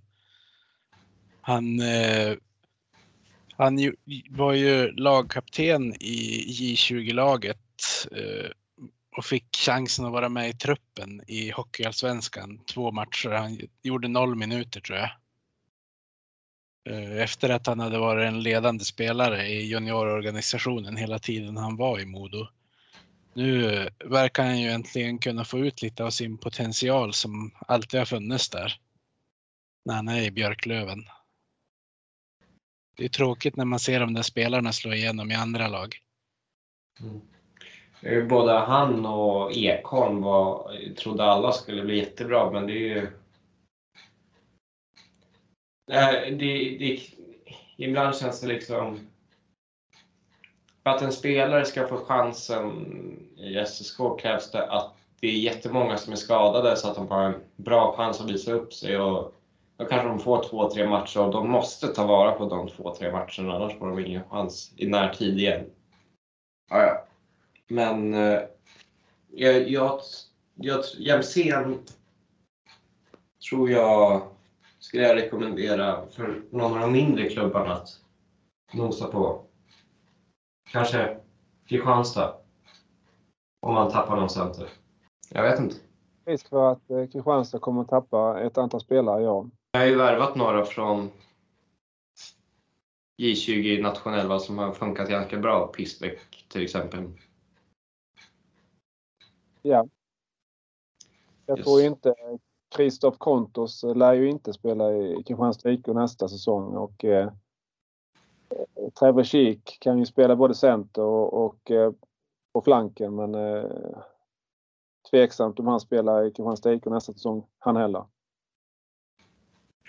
Men nu kommer vi in lite på Björklöven och eh, Kristianstad. Det var det sista ämnet du hade skrivit upp Thomas. Minikriserna i de två lagen. Ja, eh, som sagt eh, Kristianstad IK har, har ju dippat eh, nu eh, på det nya året eh, fram tills igår 14 matcher och 9 av dem var förluster och eh, eh framförallt då när eh, Fredrik Dischow var iväg i, Peking på, och representerade Danmark i OS-hockeyn så, så eh, kom ett antal förluster och men eh, jag vill vara noga påpeka och det har Max också sagt att eh, det är inte på grund av Olof Lindbom då som har fått ta första spaden som KIK har tappat poäng utan det är eh, Kristianstad IK som lag som, som har dippat. Men sen kan jag ändå tänka mig att lite som jag skrev i min text idag på Svenska fans att eh, Fredrik Dischows återkomst i, eh, mellan eh, KIK-stolparna gav lite extra lugn, lite extra säkerhet hos utespelarna och så. Så att eh, kanske lite indirekt men eh, ändå, Olof Lindbom har inte gjort några tavlor eller så utan det eh, Men Dishov har ju en en högre nivå har han visat och eh, han lär ju inte vara kvar nästa säsong heller. Antingen spelar han, eller rättare sagt han kommer att spela antingen i Frölunda eller i eller om man åker över till Montreal då så att Fredrik Dischow är förlorad för Kristianstad IK. Och eh, kanske nu när han är tillbaka kommer han nog få stå merparten av matcherna. Eh, och eh, förhoppningsvis så kan eh, Kristianstad komma tillbaka från den här, vill ändå kalla det lite minikris och det är lite intressant nu då att Kristianstad ska ut på Norrlandsturné och möta Modo och Björklöven. båda topplag. Båda lag som förlorade idag. Vi får väl se lite där Peter. Ja. Men jag har tänkt att hur viktigt är det för er att komma topp 6? Jag vet att Max har hypat upp det väldigt mycket, men jag tänker vi vill inte gå upp för ni är inte redo någonstans. Det kommer dröja flera år innan ni som förening skulle kunna fundera på om det vore bra att ta steget upp till SHL. Alltså, förstår du vad jag menar? Spelar det någon större roll om ni kommer topp 6 eller 7 eller 8? Det är väl bara det att kommer du 7 eller 8 då, då får du spela en eh, slutspelsserie till och eh, det är inte säkert att du, du klarar den. Så att eh, det är klart att eh, man siktar på att komma topp 6 för att eh, slippa möta som det är nu så kommer det väl att om, om eh, det beror på om AIK ser ut att ha störst möjlighet att eh, gå förbi som det ser ut nu i alla fall och eh, skulle KIK komma sjua så blir det väl kanske att spela mot eh, Västervik eller Tingsryd kanske. Så att eh, det och då skulle man ju väldigt gärna möta Västervik har man ju haft rätt så lätt mot. Så att eh, Tingsryd har det varit lite fram och tillbaka. Så att eh, Fast samtidigt tycker jag ju att Kristianstad är bättre än Tingsryd som vi pratade om innan. Men eh, Ja, men det är spekulationer men eh, absolut att eh, det känns ju som att eh, KIK vill behålla den här sjätteplatsen eller bland de sex bästa som man har hållit nu rätt så länge. Och eh, har ju bara inom citat släppt eh, Amelie Krupic då så att eh, ja, jag tror att Mikael Gart vill verkligen ge den här truppen en chans. Uh, jag tror du missförstod frågan lite för jag menar, uh, både du och Max har varit inne på att det sämsta som skulle kunna hända KIK som klubb är att ni går upp. Ja, men alltså gå upp till SHL, det är liksom det, så, så långt liksom det, det, det kan jag inte överhuvudtaget se. Liksom det, det, det, man kan vara med och kanske spela då en bit på, på det här slutspelsträdet mot SHL men liksom gå hela vägen till SHL. Nej, det, det finns inte på min karta överhuvudtaget. Och, och liksom mm. eh, Kristianstad är ju inte någon, framförallt inte organisatoriskt, någon SHL-klubb. Mm. Och det var, det var lite exakt det jag försökte säga med frågan och när vi drar den slutsatsen att, att gå upp till SHL inte finns på kartan det, det är det jag menar. Alltså, om, man, om det inte finns någon vilja att ens gå upp till SHL, spelar det någon roll då om man åker ut i kvartsfinal eller i någon form av åttondelsfinal? Att det är klart att vi pratade om vinnarskalle här innan, att Peter Forsberg är vinnarskalle och eh, jag tror inte Mikael Gart eh, är långt efter om jag ska vara ärlig för att eh, han är enorm alltså i, i, han ska vinna varje match och så vidare så han kommer givetvis att göra allt för att hans manskap ska komma så långt som möjligt. Eh, men jag tycker det, det är inte realistiskt att eh, tro att eh, Kristianstad IK ska gå hela vägen. Du har ju starka lag som vi har pratat om, HV71, de har 18 anfallare i sin trupp. Liksom. De har ju både hängslen och, och livrem och, och ja, säkerhetsbälte och allting liksom på anfallssidan bara där. Och liksom eh, har ju ett antal miljoner med sig från SHL och så vidare. Så det går ju det går inte att jämföra HV71 och Kristianstad överhuvudtaget. Eh, men givetvis på isen kommer ju Kristianstad IK och kämpa på alla sätt för att nå så långt som möjligt. Men eh, det kommer ju, ja. Man ska ju aldrig säga aldrig men alltså det, det, det känns i min värld så, så finns det liksom inte att Kristianstad IK skulle spela i SHL nästa säsong. Eh, en, en sån här grej som ni inte ens nämner är att jag tror ju att om Kristianstad hamnar på topp 6 så kommer de ha möjlighet att rekrytera spelare som kanske hade valt Västerås eller eh, Mora eller AIK före eh, till nästa säsong annars. Så på det viset tror jag att det kan vara viktigt att komma på topp 6 och visa att det är där man vill höra hemma. Det kanske gör att man får in ett par spelare som hade valt en annan förening som hade slagit som de platserna men som presterar lite sämre den här säsongen. Och sen kan ju ett slutspel också vara ekonomisk vinning. Om man säljer slut. Mm, absolut Peter, det du säger. Jag tror det är viktigt. Eh, vi var ju pratade med eh, Elias här tidigare om eh, Daniel Håkanssons svårigheter att få spelare till Troja Ljungby som då nykomling och som då ligger sist. Det är svårt att rekrytera spelare men har du då en förening som, som har kommit topp 6 och Mikael Gart har, har, ju då i princip den här säsongen prickat rätt med alla nyförvärven eh, och eh, han är då kvar, skrivit kontrakt här över de två kommande säsongerna. Då eh, ger ju kontinuitet där också så att visst kommer Kristianstad IK och ha ett bättre läge inför kommande säsong i rekryteringsmässigt av spelare. Jag tänkte ju lite, alltså som supporter för en klubb som i och för sig ständigt misslyckas, men där ambitionen finns överallt att man ska ta steget upp. Det är, ja, visst, det finns vinningar inför nästa säsong och ekonomi och det hela med att spela kvartsfinal, men jag liksom... Alltså, det jag undrade liksom var... Är det viktigt för dig som supporter, Thomas, om det är topp 6 eller 7 Med tanke på... Om, om det inte finns någon tro eller vilja att gå upp överhuvudtaget. Alltså, sen vet jag såklart att spelarna och GAT kommer vilja göra allt för att ta steget upp. Men faktum är att det kanske inte ens vore speciellt bra för föreningen att göra det.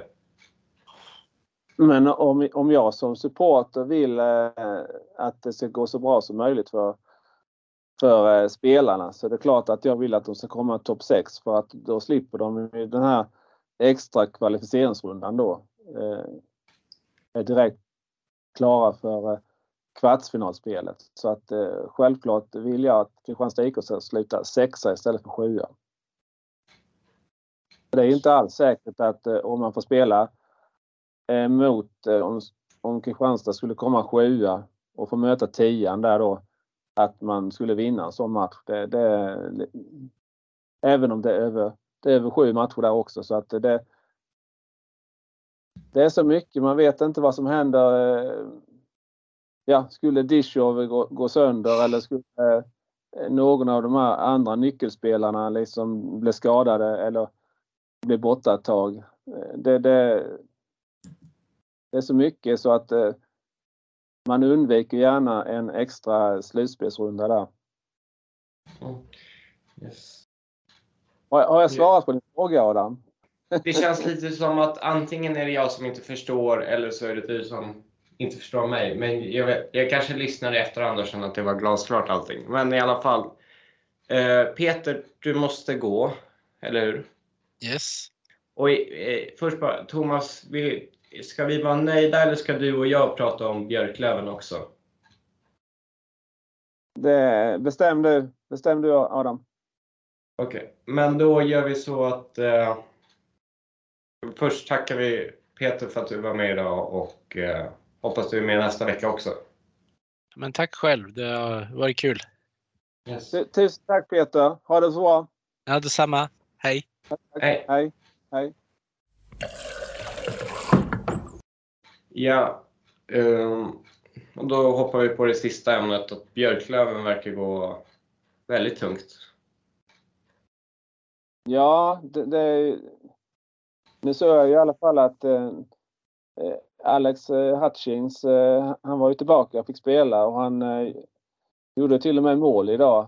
Eh, jag läste någonting om att han, han var förbannad över att han hade blivit, eh, eh, som någon skrev, utsatt på Blocket här liksom. Eh, det, men han kanske var en av dem som visade lite vilja då när han så att säga, var lite ifrågasatt och, och så vidare i, i föreningen. Det, men man läser ju här på Twitter inte minst att det, det är många Lövenanhängare som, som är besvikna och undrar vad som händer och så i, i deras förening. Det, det, eh, det är många eh, poängtapp mot eh, lag på den nedre halvan och lag som är indragna i, i mer eller mindre i bottenstriden. Nu är kanske inte Tingsryd där helt men eh, exempelvis som jag nämnde innan så har ju Björklöven tappat mycket poäng mot eh, Troja exempelvis då som ligger sist. Så att eh, det är mycket berg och dalbana över Björklöven den här säsongen. Mm. Och det var inte länge sedan de förlorade med, mot oss med 4-1. Eh, och dagen efter gick de upp och tappade. Jag såg den matchen de spelade så jävla dåligt mot Almtuna. Och jag, jag, tänkte, jag undrade liksom... Det var... Och det var jag tror Navid skrev efter den matchen, de som var missnöjda med insatsen mot Södertälje måste gå helt bananas just nu. Och sen eh, idag mot Tingsryd, jag såg bara ah, halva andra och tredje och förlängning, men det var ju... Det var ingen SHL-utmanare jag såg. Helt bedrövligt spel. Och det ser så det känns som att det är ett lag med lite bristande självförtroende just nu. Och sen var det väl matchen innan torskade de med typ 6-1 mot AIK. Jag såg inte den matchen, men jag gissar att det inte var någon, deras bästa match. Nej. Nej, det, det, nå, någonting är det ju som... Eh, men det, är det lite så som eh, Peter var inne på, eller kanske du också, att eh, man känner sig säker på den här slutspelsplatsen och kanske lite svårt med motivationen. Man laddar på något sätt inför det som komma skall. Att man inte kan få ut det här sista. Ja, jag tycker att de inte såg så bra ut förra säsongen heller innan slutspelet. Sen gick de ju till final när det väl började. Ja, sen vet jag ju att, jag kommer inte ihåg exakt när, men Björklöven var väl ett av de lagen som drabbades kanske hårdast av eh, Corona eller covidutbrott förra säsongen och, och det, det, var ju finalen mot Modo där det blev ju till och med framflyttad för att eh, både båda lagen skulle komma tillbaka någorlunda då eh, och så vidare och sen ja, sen så blev den ändå avbruten ju men, men eh, eh, det känns ju ändå... Eh, eller mot, mot Timor, förlåt. Eh, nu, nu, nu, nu tänker jag fel. Nu börjar jag med att bli trött. Det var ju finalen mot, eh, det var Modo året innan som blev avbruten 1-1 och förra året så gick ju klart. Nu ber jag om ursäkt till alla Timrå-anhängare som lyssnar här. Det var ju förra säsongen så vann ju Timrå med Dahlén i spetsen som gick upp till SHL. Men de hade ju ett covidutbrott där i, båda lagen och, och eh, de påverkade klart men, men eh, Ja, i år har Björklund haft mycket skador vet jag ju. Inte minst på backsidan. Så att, eh. Nej, jag tänkte att förra året, alltså jag menar sista grundserieomgångarna, fjärdedelen typ, så tyckte jag att de, de såg ganska dåliga ut och tappade en del onödiga poäng och sen det var ju folk som undrade om Mora liksom skulle komma och knäppa dem på näsan i kvartsfinalen men de tog sig ändå igenom det med tre till matcher var det va? Och sen mm. slår de Karlskoga i sjunde avgörande och spelade väldigt bra. Ja. Så det... Och att de, de, de kanske hade pressat Timrå om de inte hade haft problem med Corona. Ja, det är möjligt.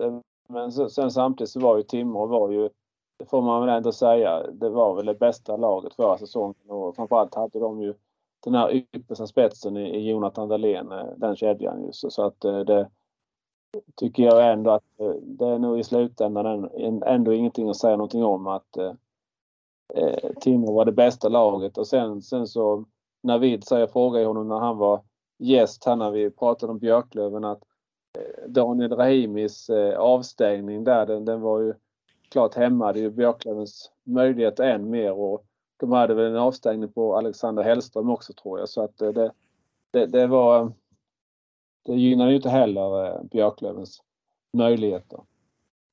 Nej, jag tror inte Björklöven hade slagit, slagit Timrå oavsett, men nu blev det ju att Timrå städade av Löven ganska enkelt. Ja. Utan, och det kanske inte hade varit så utan om vi inte hade varit coronaproblem. Nej, eh, en annan sak jag funderade lite på det här. Eh, eh nu gick ju eh, matchen här till eh, förlängning eh, och eh, även straffar. Eh, och i förlängningen så fick Olle Liss spela eh, 3 mot 3 spelet. Och, eh, läste den, jag, det var flera som skrev på Twitter här att de förstod inte hur eh, man kan matcha Olle Liss i ett spel 3 mot 3 för han, han är för långsam. Eh, man måste ha spelare som kan täcka bakåt och så vidare också i det spelet och, så. Och mycket riktigt så han spelade bara ett byte och i det så tappade han väl pucken så det blev eh, ett läge för, för, för Tingsryd där. Så att det är väl lite kanske inte optimalt coachat heller alla gånger eh, Löven. De ska vara glada att de ens fick en poäng. Och det, det känns som Tingsryd hade den där matchen och sen var det inte Hutchins som kvitterade? Det har jag redan glömt. Jo, Hutchins gjorde 2-2 mål. Ja. Och så, han, han, var väl extra tänd på grund av att han varit ute i kylan lite. Sen, sen pratar vi om William Eriksson. Han eh, är ju en spelare som kanske är en av de bättre som har, har gått framåt den här säsongen. Eh, eh, som tidigare har jag stått lite in och ut i laget men eh, den här säsongen har man ju liksom inte kunnat peta honom direkt för att han har ju varit så pass bra så att eh, det, eh, Medan andra spelare vi har ju pratat mycket om Olle Liss. Han har ju inte men han har ju ändå varvat upp lite nu. Eh, gjorde tre mål här i en match eh, här förleden och eh, har ju så himla mycket eh, i sig och kan ju vara den här eh, jokern som kan avgöra en, en slutspelsserie. Så att, eh, men han kanske inte ska spela som jag sa i 3 mot 3. Då. Det jag tänkte säga var det, det känns Hutchings 2-2 mål var ruskigt snyggt och det kom från absolut ingenstans. Det var... Har du sett det? Nej, tyvärr inte. Jag... Eh, det var väl inget märkvärdigt. Han drev upp pucken men sen, det är väl mest avslutet som var ruggigt distinkt uppe i krysset. Eh. Det är just det. Alltså, jag, jag tippar ju att Björklöven skulle, skulle gå väldigt långt i, i finalserien här eller i slutspelsserien och eh, Just för att tänka att de har ju så himla mycket potential i truppen. Inte minst på anfallssidan finns det så mycket eh, och eh, det är väl det liksom att få ihop eh, laget, få ihop kemin, få alla spelarna och spela tillsammans på något sätt. Det, det är väl det som Alex Hutchins har, har man ju absolut inte fått ut max eh, och han brukar kunna tända till precis som Olle Lister nämnde i en slutspelsserie och det gäller väl liksom att få alla spelarna att spela på topp när det verkligen gäller. För närvarande så är inte Björklöven där. Det kan vi vara överens mm. Men det känns ju lite som Navid har pratat om ibland att man gör experiment som aldrig kommer ge någon påverkan när man väl när väl allvaret börjar och transportsträckan är slut. Kedjor som aldrig kommer spelas när det verkligen gäller och PP-formationer. Eller alltså man liksom spar varianter i PP och så vidare. Man maskerar. Man vill inte visa, spela ut, man kanske inte vill spela ut alla sina trumfkort nu, nu utan man, man eh, håller, håller igen på och så spelar man ut dem sen när det är de här avgörande matcherna? Vad vet jag? Ja, och om det, om det så kan man förstå det till viss del. För det, det, det viktigaste om man vill hota om SHL-plats är att komma topp 6 i grundserien. Det spelar ingen jättestörre roll, kanske, om man slutar sexa eller etta. Rent om man tänker på förutsättningar. Eh, lag 1 till 4, eller framförallt eh, kanske lag 1 till 2 då. Att man, man har ju större möjlighet, man får ju välja på ett annat sätt då om man kommer etta eller tvåa. Eh, istället för att om man kommer femma, sexa då blir man ju vald. Det, så att det, det, är väl det som, som spelar roll i så fall ju. Och nu i den första serien ska man ju helst kvartsfinalspelet ska man helst vara bland de fyra så att man får. Men då är det ju klart, är man fyra där då då får du laget som går över men du har ju en extra hemma. Det är väl den fördelen då. Så att, eh. oh, det är mest hemplansfördel jag tänker på. Ja. Men det är ju... Ja, jag, jag har aldrig riktigt, riktigt brytt mig om vilket lag man får i kvartsfinal. Det var ju... När vi fick Västervik så blev det ju ståhej och det var mardröm. Det hade inte kunnat bli ut värre. Och Eh, Siding är jätteviktig. Ja, och det blev ju inte så bra att vi fick möta Västervik i slutändan, men ändå. Kan man inte slå ut Västervik så kanske man inte har så mycket chans mot Timrå i en semifinal. Alltså det, det, det känns som att man måste stå någon form av stor favorit förr eller senare oavsett. Ja, så, så är det absolut. Så att eh, det är... Ja, nej, det, det är spännande. Ehm, jag måste få säga det på Västervik här. Eh, ehm, jag sa det till, till, till Max att eh, ehm, Fredrik Forsberg, han, han, måste ju liksom vara eh, oerhört viktig för HV71. Han, han var ju skadad då ett tag där i slutet på, ja, i november, i alla fall i slutet på november när KIK vann både hemma och borta mot eh, HV71. Eh, och eh, då i den matchen när, när eh, KIK ledde med 4-2 när det var mindre än en minut kvar. Då var Fredrik Forsberg, Fredrik Forsberg i allra högsta grad inblandad i vändningen till 5-4. Och nu har han ju gjort, eh, eh, jag tror det är, han har gjort 10 mål på 11 matcher. Han har i princip gjort ett mål i snitt på, på, på de sista 10-11 matcherna. Och 16 poäng tror jag på 11 matcher. Eh, det är ju en sån eh, verkligen spetsspelare som vi, som vi pratar om att kanske inte Tingsryd har då exempelvis. Eh, men när jag då säger det så säger han att nej, han, han är inte den kanske viktigaste utan den Miles Powell. Eh, när han lämnade Västervik eh, så tyder det nästan ännu mer när han kom in i HV71. För då har eh, verkligen HV71 steppat upp. Det är klart att man har steppat upp med Fredrik Forsberg med, men Miles Powell eh, har verkligen blivit en injektion i eh, HV71. Och i omvänd utsträckning så är det klart att Västervik började dippa då när Miles Powell lämnade. Du Thomas, ja. Jätteintressant resonemang, men jag, jag gick in på Björklövens hemsida och det kom en bomb lite nu för 10 minuter sedan. Oj! Eh, Hans Wallson lämnar Björklöven. Oj! Eh, efter dagens match mot Tingsryd valde huvudtränare Hans Wallson att lämna Björklöven med omedelbar verkan. Han informerade laget på plats i Tingsryd och har därefter meddelat sitt beslut till både sportchef Per Kente och Björklövens VD Anders Blomberg. Det har varit en period med tuff kritik utifrån och en bitvis hård ton på sociala medier. Mot föreningen i stort, men framförallt mot honom personligen. Detta har påverkat Valle hårt och även hans familj, vilket gör att Valle väljer att kliva av sitt uppdrag med omedelbar verkan. Det här var inget vi hade planerat för, men vi accepterar Valles beslut och vi tar direkt avstånd från personangrepp. Det är beklagligt att detta gått så långt. Vi ska nu försöka göra det bästa av situationen för att stötta Valle och kunna gå in i slutspelet väl förberedda, förklarar Anders Blomberg.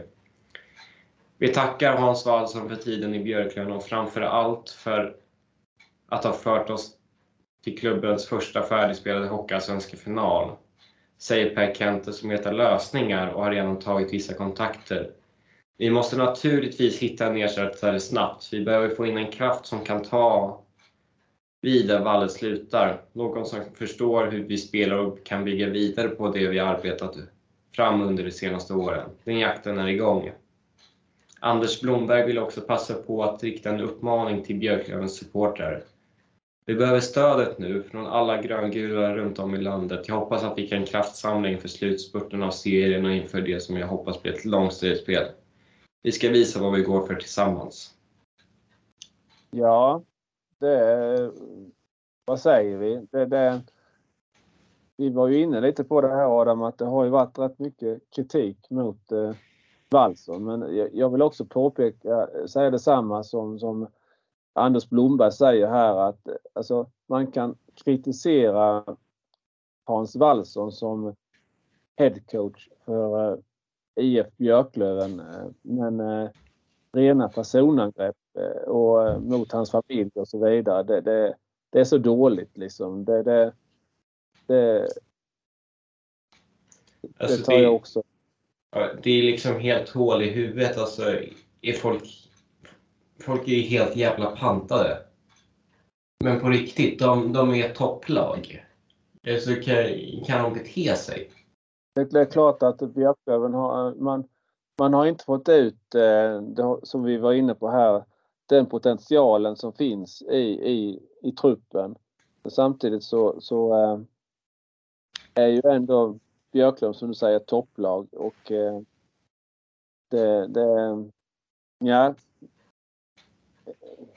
det är ju Björklöven är väl, eh, jag ska jag säga ett av de här lagen som har allra flest anhängare och eh, många supportrar runt om i hela landet och, och eh, det, det, är många som har ett väldigt stort gröngult hjärta som Anders Blomberg säger här och, och eh, man engagerar sig i, i, klubben och nu när man har varit i två raka hockeyallsvenska finaler med så det är klart att man man vill se laget i, i sitt hjärta i en tredje raka hockeyallsvensk final och man ser ju att det finns, som jag säger, potential i, i truppen. Eh, men eh, därifrån till, till att liksom eh, gå till de här angreppen mot huvudtränaren. Nej, det, det, det, det är dåligt. Det är dåligt.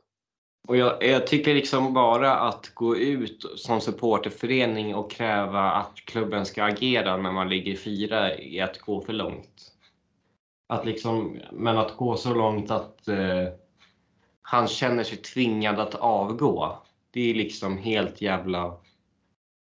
Alltså förlåt, men det, det, jag, jag, jag kan inte begripa hur en klubb med så många motgångar och Eh, miss, och år med misskötsel kan liksom inte acceptera en verklighet där man har spelat två raka finaler och eh, är ett topplag och är en utmanare tredje året. Sen fine, alltså Hans Wallson har kanske inte lyckats så som alla hade hoppats. Med det sagt kan man ju också undra om det är rimligt att förvänta sig att Per Kente ska bygga lag som har kapaciteten att dominera en serie varje år. Eh, men det... Jag vet, jag, jag vet inte om ett tränarbyte är vad det här laget behöver just nu och om det är värt och om det verkligen var, om, om det verkligen var det bästa för klubben att tvinga fram det här och nu. Det kanske hade varit bättre att börja på något nytt efter säsongen i lugn och ro. Ja. Nu eh, vet jag ju att det var ju mångas eh, kanske lite dröm här om man ska säga så att eh, när då eh, Joakim Fagervall blev eh, entledigad från, från eh, Malmö Redhawks eh, att eh, han skulle komma in och ta över Björklöven eller, eller komma in och kampera ihop med kanske med Hans Wallson eh, då. I alla fall slutet av den här säsongen. Men nu återstår ju att se vilken kraft som, som kommer in i, Björklöven. Och det är klart att Parkente han, han har ju visat handlingskraft tidigare så att det, det, kommer säkert in en kompetent kraft. Men det, det är inte så lätt heller att, komma in i det här skedet som du säger. Ja. Och det är inte, tränarmarknaden inte heller direkt proppfull av bra namn. Nej, det var som, som du sa att eh, med tanke på för förutsättningarna och så vidare så att SSK skulle fick in Pelle Holmberg det var väl liksom, det var ju Jackpot. ett nästan där. Mm. Får man säga. Men det, jag, det, jag blir så illa till mods att jag klarar knappt av att fundera över om det, här, det är sportsliga. För det är, alltså att jag, att jag mer eller mindre har krävt avgång för Bosic och Bemström, det, det, bara det har gett mig skuldkänslor lite grann. Och det är ändå att vi gör en av de sämsta säsongerna i föreningens historia. Det, nej, jag kan inte... Det, det, måste liksom vara nya supportrar som är, har orimligt höga förväntningar eller något, för jag har svårt att se att riktigt, riktiga eldsjälar som har varit med om så mycket motgångar ska liksom inte vara nöjda. Nöjda ska man ju fan inte... Men du förstår vad jag menar? Att det liksom ja. Ja. se det här som kris. Det, det, det förstod man ju på Navid, Navid eh, Deal när han var gäst hos oss att eh, han som eh, haft ett gröngult hjärta i så många eh, säsonger Eh, har ju verkligen gått igenom eh, mycket, många eh, stålbad om man säger så och, och, och eh, då det som nu har varit de senaste åren i Björklöven har ju verkligen varit ett uppsving på alla sätt just så att och eh, han sa ju också Navid att det var ju att Parkente förlängde sitt kontrakt. Det var ju det bästa som kunde hända Björklöven. Så att Eh, eh han har ju förmågan att, få in spelare. Och jag, jag hävdar fortfarande att eh, Björklöven har ett väldigt, väldigt bra lag på pappret. Och eh, det, det, inte, det finns anledningar till, till att eh, man kanske inte får ihop helheten och, och, det behöver inte alltid vara på tränarsidan heller. Det, det, det, det, är så, det är så lätt att spekulera utifrån och, leta syndabockar och så vidare. Och eh, jag håller med dig Adam, det, det, är tråkigt när, när det går till de här personangreppen och, och så eh, mot eh, Hans Wallson och hans familj. Jag vet ju, Navid var lite inne på samma spår som jag den här banderollen Avgå Wallson sattes upp och den vägen Björklövensbussen skulle ta efter en match. Ja. Eh, och skrev något på en Twitter vad är det för... Någonting i stilen med att den som skulle ha satt upp den där skulle bara försvinna från hans klubb så fort som möjligt och att mm. han inte kan förstå vad det är för primadonnor som gör så och inte och kan inte tro att någon som agerar sig har varit med om de värsta åren i föreningens historia. Nej, nej. nej det, det, det, är så lågt liksom. Det, det, sånt eh, agerande. Så, så att eh, det, ja. Nej, det, det, det är, nej, det, man, man, eh, man lider lite med eh Hans Wallström faktiskt. Eh, det, Okej, okay, han, han har inte lyckats eh, optimalt hittills med det materialet han har haft. Men, men eh, samtidigt så har det inte Davids eh, eller gjort eh, bokslut än och eh, det kan mycket väl vara så att det är många rutinerade spelare i truppen och eh, man eh, kanske har lite svårt att motivera sig och så när man är i det läget man är nu liksom så att eh, man vet om att man, man kommer att komma topp 6 eh, och eh, ja, det, det, det finns som sagt, potentialen finns där och eh, nu är det ny kraft på att slutföra det arbetet som, som har gått så här långt. Jag, jag, kan, jag kan tycka att Hans Wallson, han har, han har inte kanske gjort det tillräckligt bra för att få förlängt efter säsongen. Men det går ju liksom inte... Man kan inte, man kan inte titta på resultaten och säga att du ska få sparken för det här. Alltså, och som du säger, det har inte kommit något bokslut. Alltså, jag tycker att han... Jag vet, alltså... Det är inte ens säkert att det här är bra för laget överhuvudtaget. Det, det är viktigt att påpeka också att eh, det är ju inte föreningen IF Björklöven som, som har tagit det här beslutet utan det är ju Hans Wallson själv som har tagit beslutet att eh, avgå. Och det är väl dels eh, som Anders Blomberg säger på grund av den pressen som är på Björklöven som förening och då eh, även då såklart på, på spelare och eh, kanske inte minst då på ledarna när, när man eh, som supporter tycker att man, man inte får ut optimalt av den truppen man har.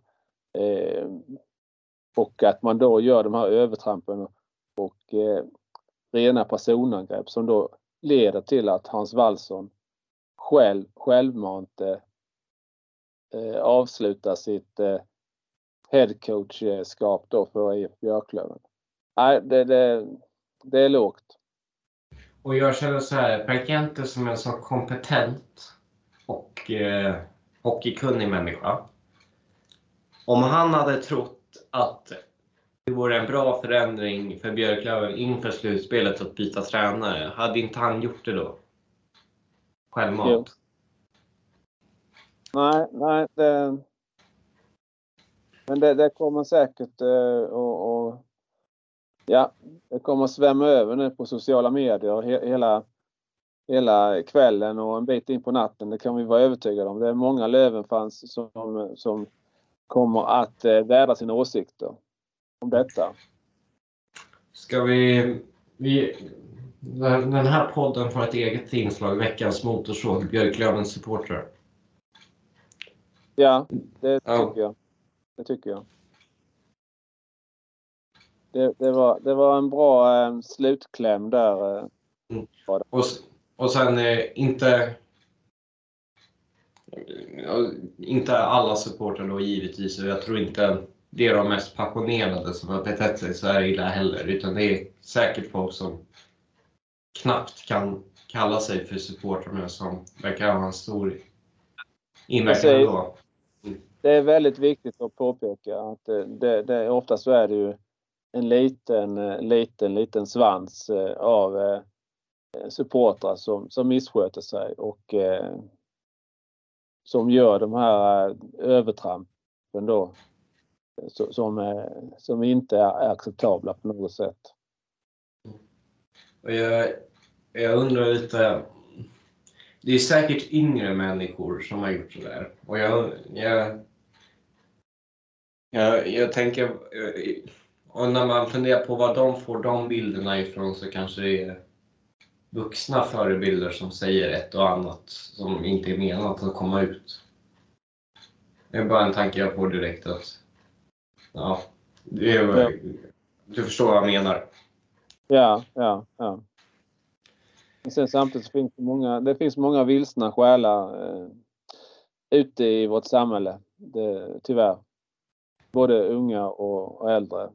Men eh, det, det, eh, man söker sin, sin identitet kanske i en, en förening men eh, man kanske inte har det här genuina intresset för, som i det här fallet IF Björklöven som förening, utan man, man söker någon, någon tillhörighet någonstans och eh, bekräftelse och eh, rycks kanske med av det här då att eh, det går inte så bra för Björklöven nu och, och och så går man liksom ett steg längre, alltså tar de här steg, eller inte bara ett steg utan många steg över. De gör de här övertrampen då liksom. Eh, som jag sa, det här banderollen som du sa vid, vid bron och, och, och så vidare. Så att eh, det är så tråkigt och det, det, det är avigsidan av ett eh, supporterskap. Och det är som sagt det, det är en liten, liten svans av supportrar som, som, de beter sig på det här sättet. Mm. Och anledningen att jag blir så jävla lack är ju för att jag vet hur det är att följa en, alltså en stor klubb rent baserat på intresse och kravställning och som blir, så, som blir misskött år efter år och, eh, och konstant misslyckas och gör så otroligt dåligt efter sina förutsättningar. Och jag, jag skulle liksom göra vad som helst för att SSK skulle ha varit i Björklövens läge de senaste tre åren. Ja, men, och då tänker jag att Björklöven har ju varit ännu mer prövade än vad SSK har varit. Och det är liksom...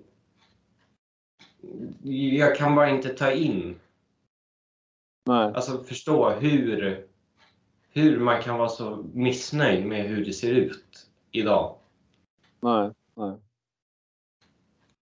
Nej, det, det, jag håller med dig. Det, det, det är svårt att ta in.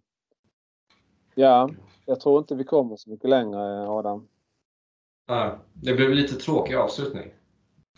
Ja, det blev ju det tyvärr. Det, det, det, eh, precis när du kanske var på väg att avrunda lite här så, så, så såg du den här, ja. Som du sa, bomben får man ju ändå säga eh, att det, det var i, i en inom citat hockeybomb eh, att eh, Hans Wallson då självmant begär sitt avsked från IF Björklöv som headcoach. Har du ingen rolig anekdot att berätta för lyssnarna? Så det blir lite positivt. Nej, inte så här på rak arm. Alltså, jag, apropå eh, supporterskap och eh, att eh, verkligen brinna för sin klubb och, eh, och så vidare så, så eh, får jag väl ta det här exemplet igen då med, med Tingsryds AIF där. Eh, när jag kom in där som för första gången skulle åka till, till Tingsryds ishall. Jag vet inte om den hette Nelson Garden Arena då eller, eller om det var Dackahallen men eh, det här genuina supporterskapet som, som man vill ha. Att man, visst, man kan vara missnöjd eh, över saker och ting men, men eh, det får ändå vara rim och reson på saker. Man får hylla sitt lag. Och jag menar det här lämmeltåget som jag såg liksom på väg upp till ishallen. Det var, man gick man ur huset ur eh, Tingsryd för att hylla sitt eh, lag. Eh, det tycker jag, det, det är supporterskap när det är som bäst. Liksom. Håller med. Uh, jag har en... Jag ska försöka... Om jag, jag för, ska försöka ändra den där skiten till något positivt så... En, bara en uppmaning till uh, Björklövens supporter att nu finns det absolut inget mer som kommer kunna hända. Alltså, då, då kanske det är dags att försöka göra något bra tillsammans med er klubb sista biten. Gnälla kan man göra efter säsongen. Jag blir trött på SSK som gnäller nu efter att fönstret är stängt och nya tränare är på plats och ny sportchef när saker fortfarande går att rädda. Försök påverka den här säsongen medan ni kan på ett positivt sätt. Och sen kan ni ta fram allt ni är missnöjda med i en rimlig ton efteråt. Det får bli avslutningen på den här podden va? Det tycker jag var en bra slutkläm Adam. Ja. ja. Bara en sista fråga. Rekordlångt avsnitt. 3 timmar och 50 minuter i inspelning just nu. Hur känns det? Jo, men vi har hunnit med en hel del. Eh, Samtidigt så, så eh, viktiga ämnen att ta upp och vi har ju ventilerat både Troja och eh, Tingsryd och eh, ja, svar, hissat och sågat och eh, eh, ja och eh, som sagt det blev en eh, tråkig avslutning här men eh, ja vi hade ju den eh, inledande delen också där som, som ingick i din såg. Eh, det, det är väl lite så att eh, idrott engagerar och eh, ibland så, så eh, går saker snett. Eh, på något sätt har det blivit fel eh, där med Viks eh, ryssar. Eh, och eh, snett har det ju uppenbarligen verkligen gått eh, i fallet med hur Hans Wallson har behandlats av en klick supportrar här i Björklöven. Så att det är tråkigt att det blir de här avigsidan av idrotten som hela, så många gånger liksom tar störst plats. Vi har ju verkligen eh, nu i det här femte avsnittet av, av HR-podden pratat både positiva grejer men som sagt även en hel del negativa saker inom eh, idrotten. Exempelvis som jag sa då med antalet eh, poliser och ordningsvakter som krävs för en hockeyallsvensk match som samlar knappt 1200 åskådare.